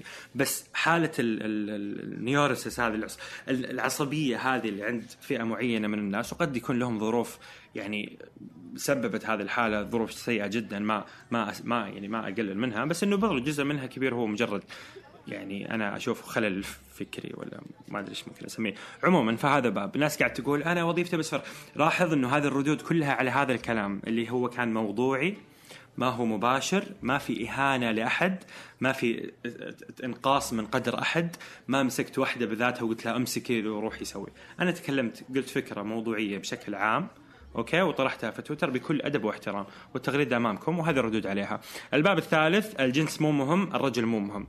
وهنا يبدأ ال- الشعار يروح للوازم. ولما نقول إحنا انه إنه آه، الرجال ومساواة والنساء ومدري إيش فواحد من تطبيقات هذه الفكرة إذا طبقناها بجذورها إنه مثلا في العملية الجنسية ما نقدر نحكرها على رجل ومرأة لأنه إذا قلت العملية الجنسية الصحيحة هي فقط رجل مع مرأة فأنت قاعد تنو... قاعد تفرق بينهم إنه في نوعين ولا ما في يعني تصنيف إلا بأنواع.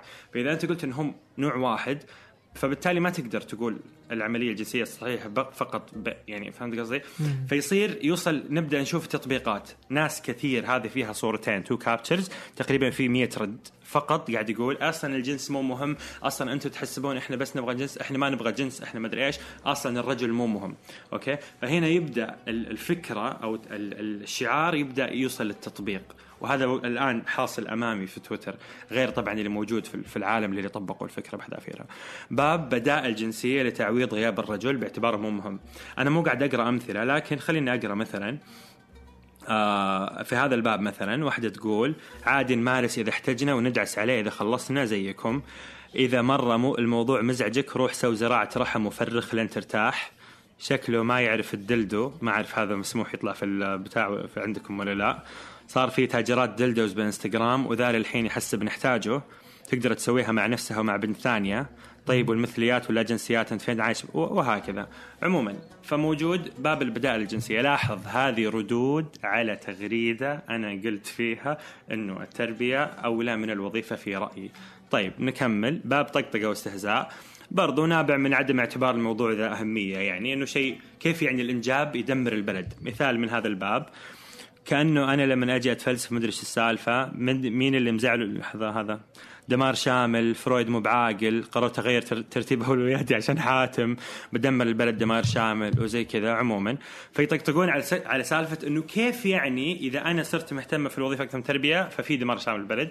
مع إني أنا كنت قاعد قاعد أكتب في التغريدات جبت مقالات جبت موضوع ال fertility rates وهذا موضوع مرة خطير حاليا. موضوع ال- ال- الخصوبة وما الخصوبة ومعدل الإنجاب والوفيات مقابل ال- الولادات والشباب مقابل الشياب وكم نسبة ال- ال- ال- الناس اللي فوق. ألمانيا يتوقع بعد كم سنة تصير دولة مسلمة. يعني مصيبة بالنسبة للألمان لأنه ال- المسلمين ما شاء الله مرتاحين ويفرخون يمكن لوازع ديني. والغربيين والألمانيين ما هم مهتمين في في الزواج والإنجاب وزي كذا لظروف عدة. فيعني عموما ما نبغى نتكلم في الموضوع الآن. طيب باب الشتائم الشخصية. فهنا برضو تشوف رد- ردود الفعل. هل أنا شتمت أحد بهذا ال tweet؟ لا. هل أنا استقبلت شتائم عديدة بسبب هذا ال tweet؟ نعم. هل حاتم ملام إنه هو شتم لأنه هو استفز؟ أنا ما أشوف إنه هذا شيء منطقي نقوله. يعني أنا الآن سويت شيء واحد ضربني ولا شتمني ما تقدر تلومني. أحيانا ممكن أكون صح أنا السبب لكن في هذه الحالة ما في أي ما في أي شيء. آه كنت بقرأ الشتائم بس ما أعتقد إنه المقام يسمح. عموما هذه تقريبا كانت الأبواب. أنت مع حرية التعبير؟ أتوقع يعني مش مختلفين على حرية التعبير. يعني إيوه إلى إلى حد ما. شلون إلى حد ما يعني؟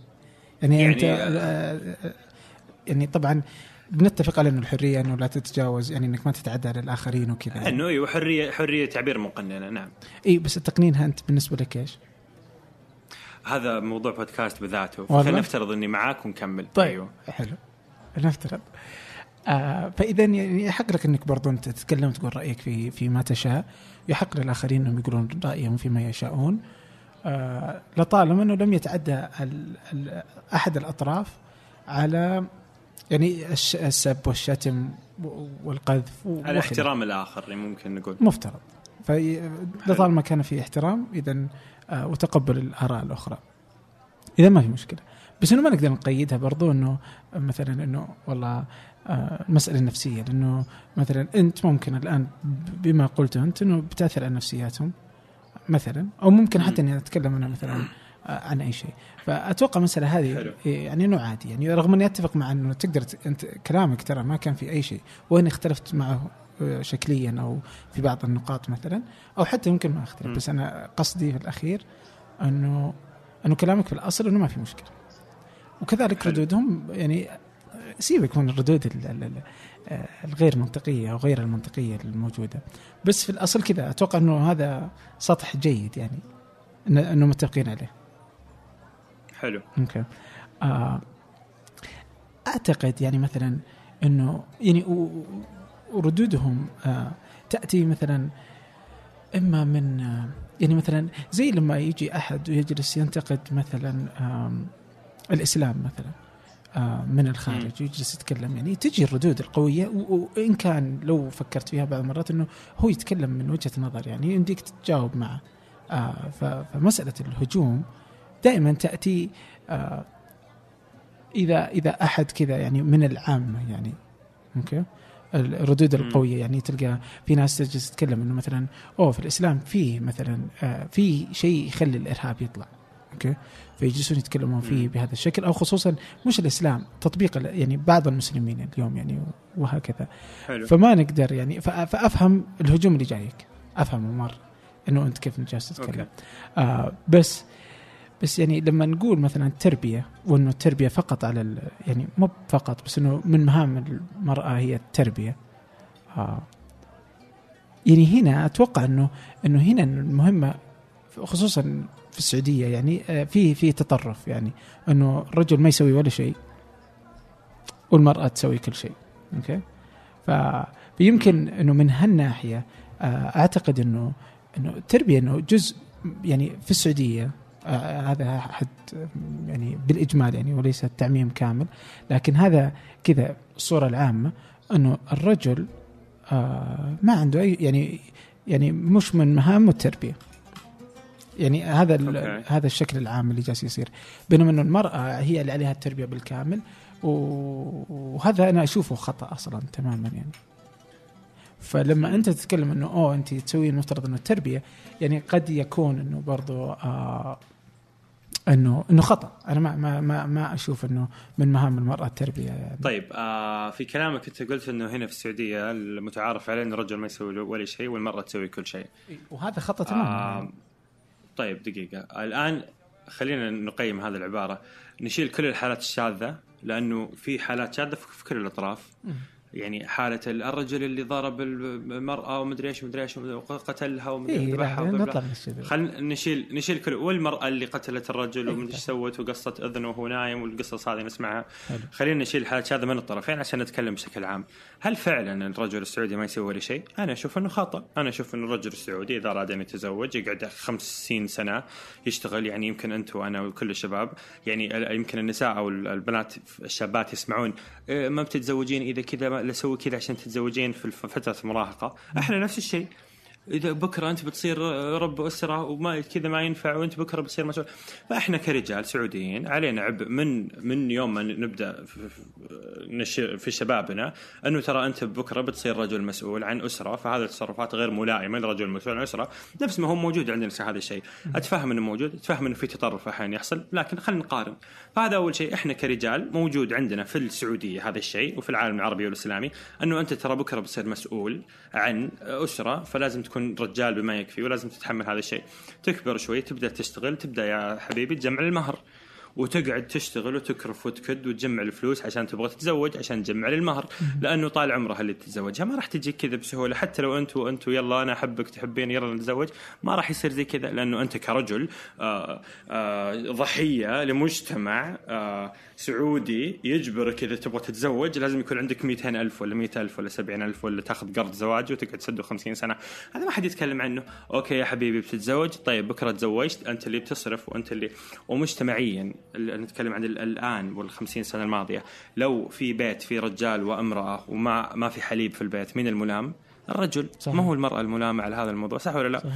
صح ولا لا؟ ففكرة إنه الرجل والمرأة، المرأة مسكينة وضحية وتسوي كل شيء ورجل، هذه فكرة مغلوطة أصلا، في تقصير من الرجل في بعض الأمور صحيح، في تقصير من المرأة في بعض الأمور صحيح، ولكن ال- الانحياز للمرأة بهذا الشكل، المسيري أعتقد أعتقد إنه المسيري عنده كتاب يتكلم عن النسوية اسمه التمركز حول الأنثى. يقول حركة النسوية أنا أسميها التمركز حول الأنثى، وهذا هو نفس الشيء الموجود في العبارة. فعليا وعمليا وواقعيا الرجل السعودي قاعد يسوي كثير أشياء توفر الأمان والاستقرار والمادة والمال و و و و للمرأة السعودية وهذا شيء وا- واجب عليه. وإذا كان له جذر ديني فهو موضوع آه، رجال القوامة. آه وهذا شيء موجود وطبيعي. أتفهم أنه في استثناءات وأتفهم أنه في تقصير في أمور كثيرة. قد يكون في في صلب هذا الموضوع. فما أشوف أنا شخصيا ماني شايف أمشي في الحياة. أشوف أنه لا الرجل مكروف وعليه مسؤوليات من المجتمع مفروضة عليه كرجل. فأنا شخصيا ما أشوف أنه جملة أن الرجل السعودي ما يسوي شيء والمرأة السعودية عليها كل شيء صحيحة. آه أذكر عبد اللطيف اليوسف شاعر سعودي جميل جدا له بيت في إحدى قصائده يقول حلمي هو الفرح العادي في بلد يقول للطفل وهو الطفل كن رجلا. يعني من كثر ما هو يعيش في في مجتمع يبغى الطفل يصير رجال صار عنده طموحه الأعلى للوصول للفرح العادي حتى. فأنا آسف شخصيا ما ما ماني مقتنع بهالجملة. وأشوف إنه فعلا النسويه أصبحت حركة التمركز حول الأنثى كما يقول المسيري لدرجة إنه إحنا صرنا ننكر آه، مشاكل موجودة عند الرجل.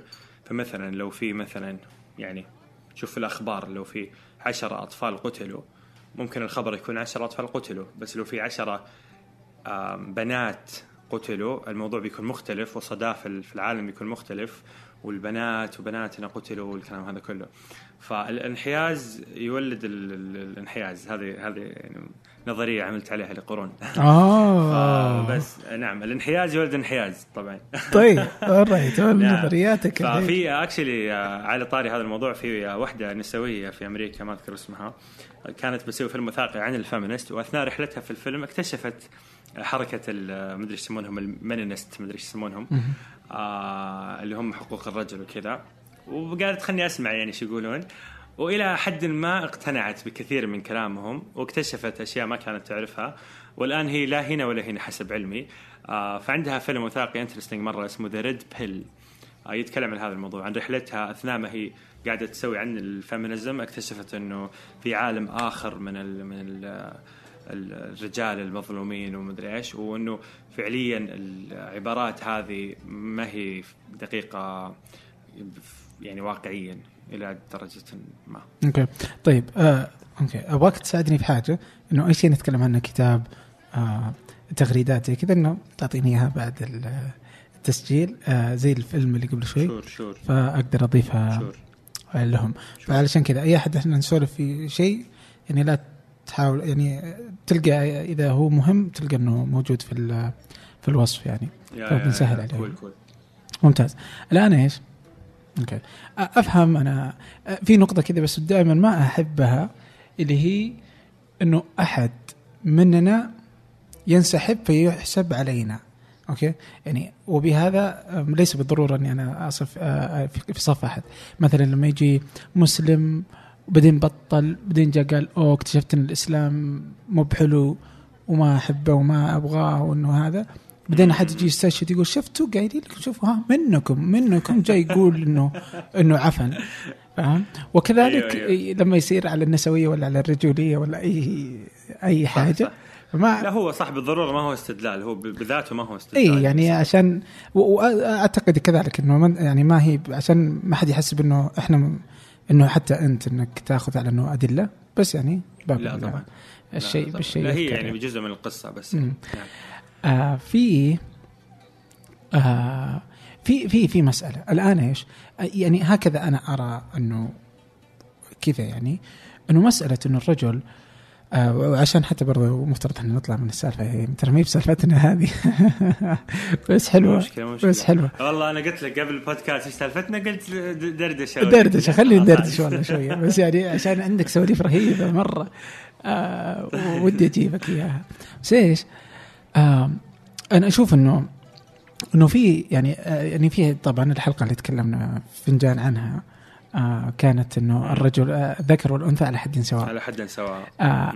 أعتقد يعني وأميل إلى إنه آه، في ال- ال- المسألة الثقافية إنه آه، إحنا الرجال رهيبين. قدرنا ان نسيطر على على اللعبة آه طيب. وهكذا أجد. يعني إنه إحنا نجي كذا اللي اللي أنت خليك رجال صير رجال عشان تصير رجال فاهم هل هالثقافة اللي رجل. بمعنى الكلمة نعم حتى أحيانا. كذا توصف يعني إنه تلقى أوه هذاك رجال يعني وممكن إنه تصير على نفس البنت تقاس إنه أوه هذيك رجالة يعني فاهم؟ إذا من باب حتى إذا بيوصفونها يصير بنت رجال يعني حتى وصف البنت المميز يرجع للرجال برضه. فعلا. هذه أخت رجال وبنت رجال. إكزاكت بالضبط. نعم، الله. يسعدك. فأحس إنه في شيء في يعني في كثير وإن وإن كان في برضه في مبالغة في اليمين واليسار لكن الوضع الحالي في كثير من المبالغة التي تصف التي تقف في صف الرجل. يعني أو هكذا أزعم خصوصا في الشرق وليس بالضرورة أنه لا كل العالم. في مسألة أنه الرجل هو اللي ماخذ آه، ذو الحظ الأفضل يعني آه، وعايش وهو هو من يصنع القوانين أصلا. يعني بغض النظر عن المسألة ال- ال- العاطفية يعني العاطفية أقدر أقول لك أوه بس المرأة هي اللي تسوي المجتمع هي اللي ما أدري إيش هذا الكلام كذا شوية ما يأكل معي آه. لأنه ال- الحقيقة إنه هنا الرجل هو اللي يصنع كل الأشياء هو اللي عنده آه السلطة هو اللي عنده القوة هو اللي عنده آه هذه وهذا طيب كيف ليش صار؟ هل صار بسبب يعني ظلم ولا صار بشكل لا يعني طبيعي؟ ذكر علي في علي مهزلة ال- طبعا أنت عندك.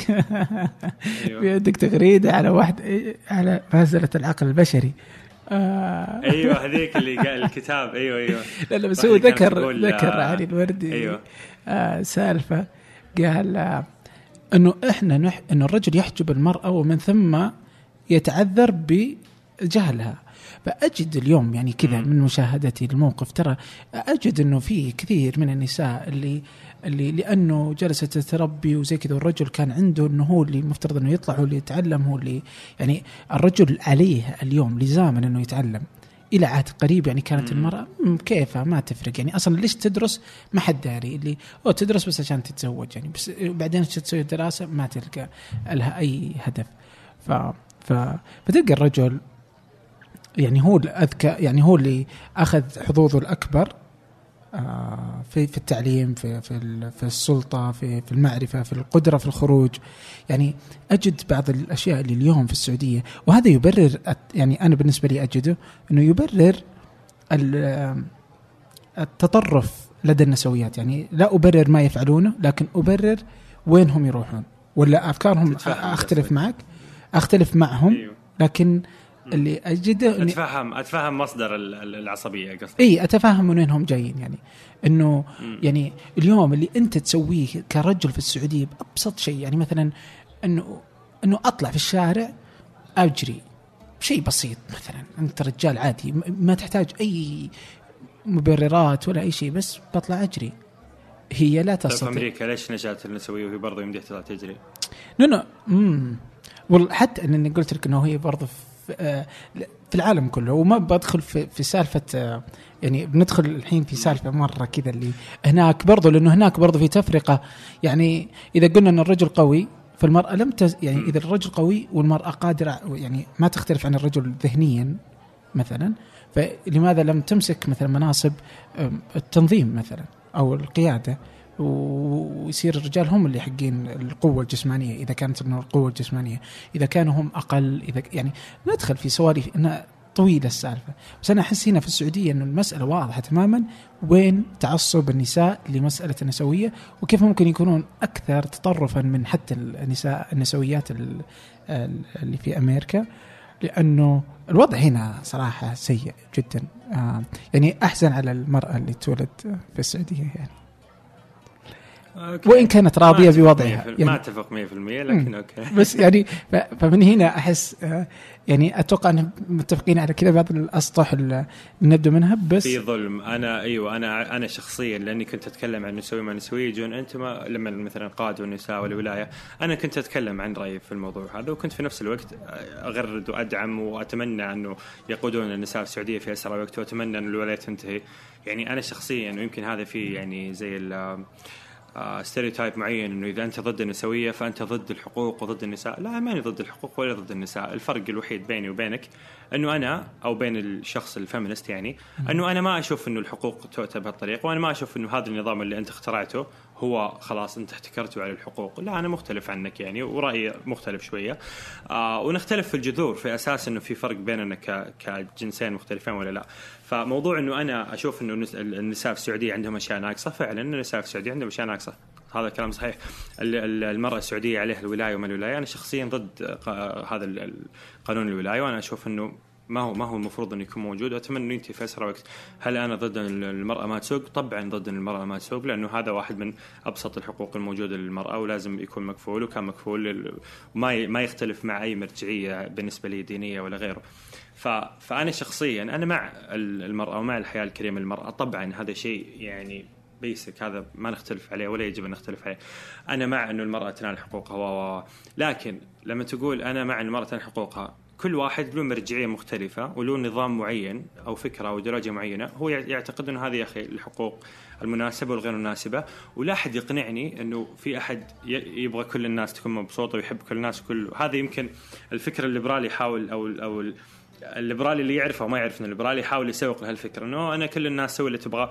فعليا لا يعني فعليا كل أحد مهما رحت اليوم في العالم بتلاقي واحد عنده حدود يكره الناس الثانيين اللي يسوونها. ما في ولا شخص الآن عايش يتقبل كل البشر. لأنه إذا أنت تقول أنا أتقبل كل البشر إلا داعش مثلا أتقبل كل البشر إلا اللي ما هم فيمنست أتقبل كل نفس الشيء. ففي النهاية كل شخص قاعد يتبع مرجعية معينة هو مقتنع فيها فكرة سواء كانت دينية وضعية شخصية سياسية فكرية اجتماعية اللي هو كل شخص عنده حدود هو مقتنع إنه هذا الصح وبعدها غلط. زي ال feminist إذا ما أنت معنا فأنت ضد الإنسانية. وزي ال liberals إذا أنت معنا فأنت ضد الحرية وزي زي زي كثير ناس فيعني فعليا في النهاية كل واحد عنده حدود يشوف إنه هي صح ويبغى العالم يمشي بناء عليها ويطبق ال- ال- القناعة هذه بطرق مختلفة. فالواقع الآن أنت تقول ان المرأة السعودية لأنها مكبوتة ومحرومة فهي تفهم الهجوم، أنا ما أشوف إن هذا صحيح لأنه الهجوم أو نوع ردة الفعل النسوية موجود في كل نسويات العالم تقريبا. روح لك لأي فيمنست آه بتلاقي نفس نوع الهجوم نفس نوع الإقصاء. ففي نفس نفس نوع الإقصاء نفس نوع الهجوم نفس نوع كره الرجل. آه ما أقول عندهم كلهم طبعا لكن عند فئة لا بأس بها من من النسويات. وأنا أعتقد إنه بمجرد ما أنت تقول أنا نسوية ففي فريقين نشأوا فريق اللي هو أنت برا وجوا ورجال ومو رجال فشخصيا ما أتفق إلى حد كبير. بس في نفس الوقت هذا القناعة اللي عندي ما تخليني آه، أفرح مثلا على ظلم حصل لامراه وأنا أشوف إنه هذا شيء متخلف. يعني حتى حقوق الرجل المتحيزين لحقوق الرجل ومن الناس ما ليش برضو بالنسبة لي هذا مرض. يعني ما أشوف إنه شيء منطقي إنه يصير صراحة. لأنه هو تحيز في النهاية. فأنت كل ما تحيزت لجماعة معينة كل ما بديت تسلك لأخطاء جماعتك وتفخم أخطاء ال- ال- العضو الآخر. زي ما بالنسبة لأي شخص يدعم النسوية عادي إنه النسوية تسوي أي شيء. عادي إنها تسب. يعني أنا شخصيا أنا من ما أعرف يعني بس إنه كثير هو- هوجمت من النسويات. طيب لأني أنا دائما أتكلم عن الموضوع مو دائما تكلمت عن الموضوع كذا أربع خمس مرات. عموما ولو مرة واحدة في حياتي شفت نسوية عاقلة كاتبة مثقفة كبيرة مدري إيش مدري إيش قالت إنه لا هذا غير مقبول اللي تسوونه. ولا قالت للنسويات إنه ما هكذا وندافع عن أفكارنا. ولا قالت إنه لا آم، غير مقبول السب اللي يصير. ما ما صار هذا الشيء. فأنا شخصيا أعتقد إنه النسويه فكرة آه، متطرفة ولا يمكن إلا أن تكون متطرفة إذا أنت آه، يعني طبقتها بحذافيرها ورحت كذا اول ذا واي لأنه هي في بدايتها فيها أصلا تحيز يعني. آه بس وهذا رأيي. ويمكن ال- الفرق بين رأيي ورأيك أو رأي اللي مؤمنين برأيي ومؤمنين برأيك هو أساس في آه في الفكرة النسوية اللي هو إنه ما بيننا فروق إلا فروق بيولوجية وإن الفروق البيولوجيه لا تؤثر على شيء أي شيء آخر. آه والهوية الجنسية والهوية ومدري والكلام هذا كله. فمن هنا إحنا نختلف أصلا. أنا وفريقي نرى إنه في فروق. وفي فروق بين الرجل والمرأة غير الفروق البيولوجية الشكلية. آه في فروق في في طريقة التفكير في فرق في طريقة الحياة وفي هنا مميزات موجودة وما هي موجودة في هنا مميزات موجودة خلي وما خلي هي موجودة. اتوقفك هنا يعني. يعني نحس كذا نقطة جيدة.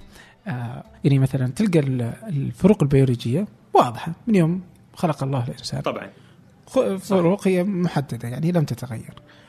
بينما. الفروق الثقافية تغيرت بشكل غير طبيعي وبدأت تتغير يعني تتلون بتلون الزمان. أوكي فنجد طيب خل... خليني أعكس خليني أعكس عذرا خليني أعكس ال... ال... النقاش من الفروق إلى المسؤوليات لو تسمح لي طيب السؤال الأول هل أنت مقتنع أنه آه مثلا مثلا الاهتمام هل, هل أنت مقتنع ان الانجاب مسؤولية أصلا؟ شلون إيش تقصد يعني؟ يعني هل من مسؤولية البشر أن ينجبوا بشر آخرين؟ لأنه آه. خليني أقول لك في في فكرتين متعارضتين في الموضوع، أنا شخصيا مرجعيتي إسلامية، في المرجعية الإسلامية في حث مباشر على الإنجاب وفي ترغيب في الإنجاب، في في السنة وفي يعني عموما كإسلام في حث على الإنجاب. م. في الفكر المعاصر الإنجاب هو قرار شخصي على كيفك تنجب وما تنجب، بالعكس أصلا كثير ناس الآن يتجهون إلى عدم الإنجاب والى عدم الزواج أصلا، فنبدأ بالمسؤوليات ولأني أعتقد إنه هذا طريقة جيدة، فهل هل تشوف إنه هل من مسؤولية البشر أن ينجبوا أطفال آخرين؟ هو طبعا مسؤولية البشر هم اللي ينجبون لكنه ليس واجب علي أني أنجب. يعني, يعني حتى الإسلام هل يعني من مسؤوليتك؟ بس ما يوجب أيوه ما يوجب. طبعا بس إنه هل هي جزء من مسؤوليتي كبشر؟ لأنه يعني إذا فكرنا كتكافل لا إنه كذا كذا حينجبوا يعني فودها مسؤولية لا لا ولا لا؟ مش مش صح مش صحيح مش صحيح. في ناس ما ينجبون. الآن معدلات الخصوبة أه. تختلف في الدول الغربية بحسب الثقافة. الناس اللي الآن وصلت ثقافتهم إلى إنه أنا مش مهم أتزوج مش مهم أنجب فعليا معدل الخصوبة قاعد يقل بشكل مش طبيعي في الدول الغربية. بينما هو في تزايد مستمر في الدول الإسلامية غالبا أو في الدول اللي ثقافتها تحث على الانجاب لا لا هي في الدول النامية الثق- والدول الإسلامية عادة طيب، ليست دول متطورة يعني بس بس في إنجاب يعني مع الجهل تزيد الإنجاب الإنجاب يعني هل الإنجاب مسؤولية ولا لا؟ هذا سؤالي، هل الإنجاب مسؤولية؟ ما ما يعني ماني بجالس أتصور يعني هي مسؤولية البشر. بس إنه هل هو واجب على البشر؟ لا مو واجب، هل هو مسؤولية؟ م- أنت اي هي البشر تتحل- الإنجاب. نعم. okay. طيب الآن إذا اتفقنا أنه الإنجاب هو مسؤولية وهو شيء مرغب فيه، هل قدرات الرجل في الإنجاب والتربية مساوية لقدرات المرأة في الإنجاب والتربية؟ خليني أقول لك أنا أنا إيش رأيي؟ عشان تناقشني بناء على رأيي عشان لا يصير أنا ال host. أنا شخصيا مقتنع أنه إذا اتفقنا لأن لأنه شوف في, في هذا الحوارات المشكلة إنه دائما نناقش مواضيع نكتشف إنه إحنا أصلا مختلفين في أصول الأصول أصلا. ف- فجي من الجيد نرجع لأصول الأصول. فواحد من الأصول موضوع الإنجاب. هل هو جيد أو غير جيد؟ هل هو يعتبر مسؤوليتك كبشر ولا ما هو مسؤولية؟ هل هو مرغب فيه ولا كل واحد على كيفه أيوه أصلا ما يفرق ومدري إيش. المهم فإذا اتفقنا إنه هو مسؤولية وإنه هو شيء جيد آه فنتفق إنه في نوعين من البشر. أول شيء لو نرجع هل أنت متفق انه هم نوعين ولا إنه ما هم نوعين لا، لأنه. الآن برضو okay لأنه الآن تعرف موضوع ال genders وال transsexuals وال LGBTQ A S M M M مدري إيش. في الآن في في في, في الفكر الغربي وفي العالم الغربي في اتجاه لإنكار الجندر. إنه يقولون إنه ال sexual identity أو الجندر ما هو مرتبط بولادتك كجسم. أنت تقرر في يوم من الأيام في حياتك إنه أنا هويتي إني أنا آه queer مثلا ولا أنا آه رجل ولا أنا أمرأة ولا أنا سمكة ولا ولا ولا, ولا. فكويس إن إحنا متفقين على موضوع الجندر اللي الآن ترى كثير ناس ما يتفقون عليه أصلا. عموما فالآن عندنا رجل وأمرأة مسؤولين عن التربية والإنجاب. أنا شخصيا أشوف إنه المرأة قدراتها على هذا الموضوع أفضل من الرجل. السبب الأول إنه الإنجاب محصور على المرأة. بيولوجيكلي ما حد يقدر يناقش هذا الموضوع. ثاني شيء إنه في آه، أدوات للإعالة والرعاية برضو محصورة لل- للمرأة مش للرجل. صحيح. كمثلا الرضاعة والأشياء هذه كلها. ثالث شيء إنه في أدوات موجودة فقط عند المرأة أو موجودة عند المرأة بشكل أكبر كعموم. لأنه دائما يجيك واحد يقول لك أنا أعرف رجال حنون أكثر من أوكي أنا أعرف رجال مات. يعني أقصد إنه نتكلم بالعموم بدون الحالات الشاذه والحالات طيب. الشاذه طيب عموم ال- النساء عموم النساء أفضل في التعامل مع الأطفال وأكثر تحملا لأذى وصراخ الأطفال وأكثر حتى عندنا إحنا أمك وأبوك وين الفرق بينهم ومشاعرك تجاههم ومين تحس إنه هو كان له أثر على طفولتك واستقرارك النفسي والعاطفي أكثر؟ أنا أفترض إنه الأم لها هذا الدور وإذا بنتكلم على مرجعية دينية فعندنا ترى في الإسلام تحيز للمرأة في أمور كثيرة. لو كانت عكسها للرجل كان استخدموها الفيمينست ضد الإسلام بشكل مخزي. مثلا أمك ثم أمك ثم أبوك أمك ثم أمك ثم أمك ثم أبوك ثلاث مرات للأم ومرة للأب. يعني هذا في تحيز كبير لل- للأم وفي فضل للأم على الأب وهذا الفضل أنا أشوفه مرتبط بموضوع ودائما نشوفه موجود في الثقافة موجود في الإعلانات موجود في التغريدات. الأم الأم الأم هي التي تعبت وسهرت وتحملت وأعطت وأعطت وأعطت وأعطت. فهذا واقع موجود انه الأم تقدم في الشعارات يعني شيء يظهر دائما. لا يستطيع شيء لا يستطيع الرجل أن يقدمه. طيب وفي تحليلات كثيرة لهالموضوع يعني. فأنا شخصيا أنا أعتقد أنه في فروق في الأداء مش فقط فروق بيولوجية بين الرجل والمرأة. في مثال التربية والإنجاب والكلام هذا كله تعطي المرأة أولوية وأفضلية على الرجل في تأدية هذه المسؤولية المهمة جدا. اللي إذا أديت بشكل سليم تضمن لمجتمع كامل حياة أفضل ولأشخاص كاملين حياة أفضل. معروف في علم النفس إنه السنوات الأولى في حياتك هي أكثر شيء يأثر على بقية حياتك. صحيح. فأنا شخصيا أشوف في فروق بين. بين الجنسين منها فروق بيولوجية ومنها فروق أخرى. ودليل هذا الفرق واحد من مثلا يعني واحد من الفروق هو أداء المرأة مع الطفل وأداء الرجل مع الطفل. أنا أعتقد إنه أداء المرأة مع الطفل ختم أداء الرجل بآلاف آلاف آلاف المرات.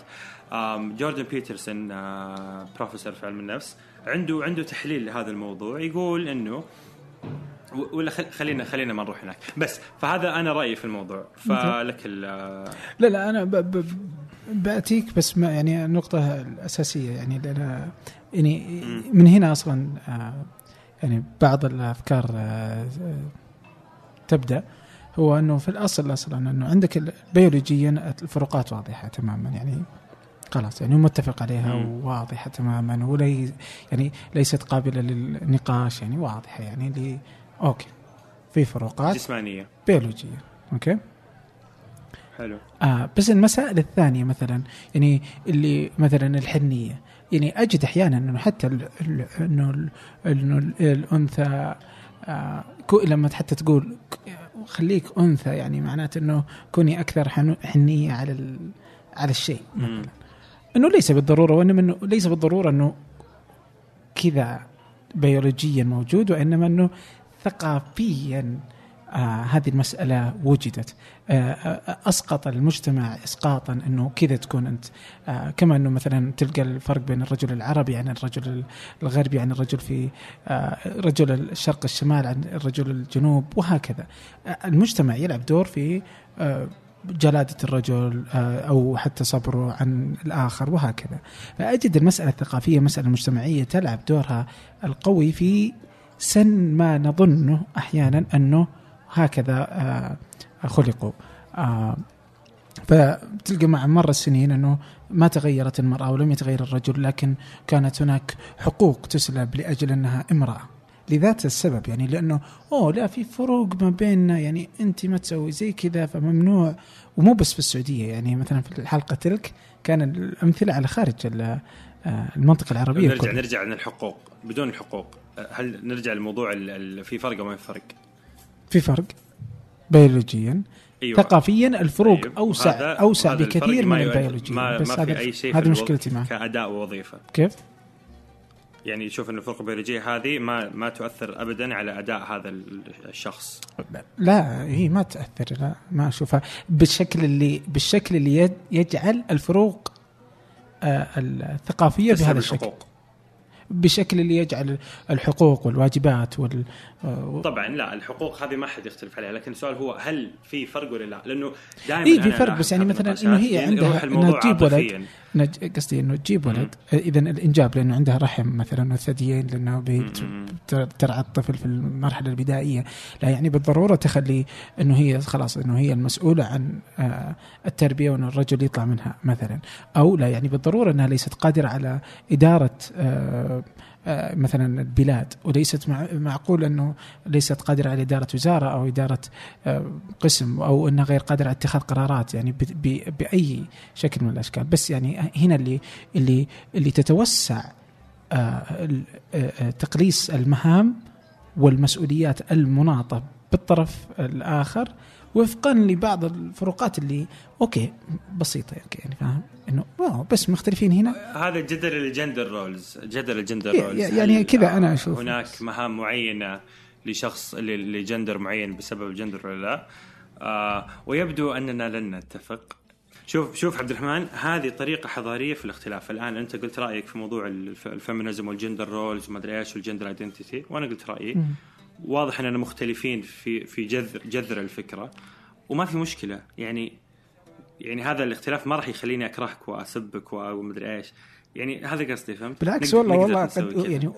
جالس أحب إني جالس أناقشك وأستمتع بمتابعتك أنا سعيد جدا أنا سعيد جدا. أيوه هذا قصدي شفت هذا اللي هذا اللي نبغاه يصير مو إنه إذا أنا جيت قلت رأيي يعني أنت الآن ما اعتبرتني ضد الإنسانية فرضا يعني آه لا ما. ت- هل أعتبرتني شخص ضد. الإنسان بالضبط. هذا اللي أتمنى أنه يصير دائما.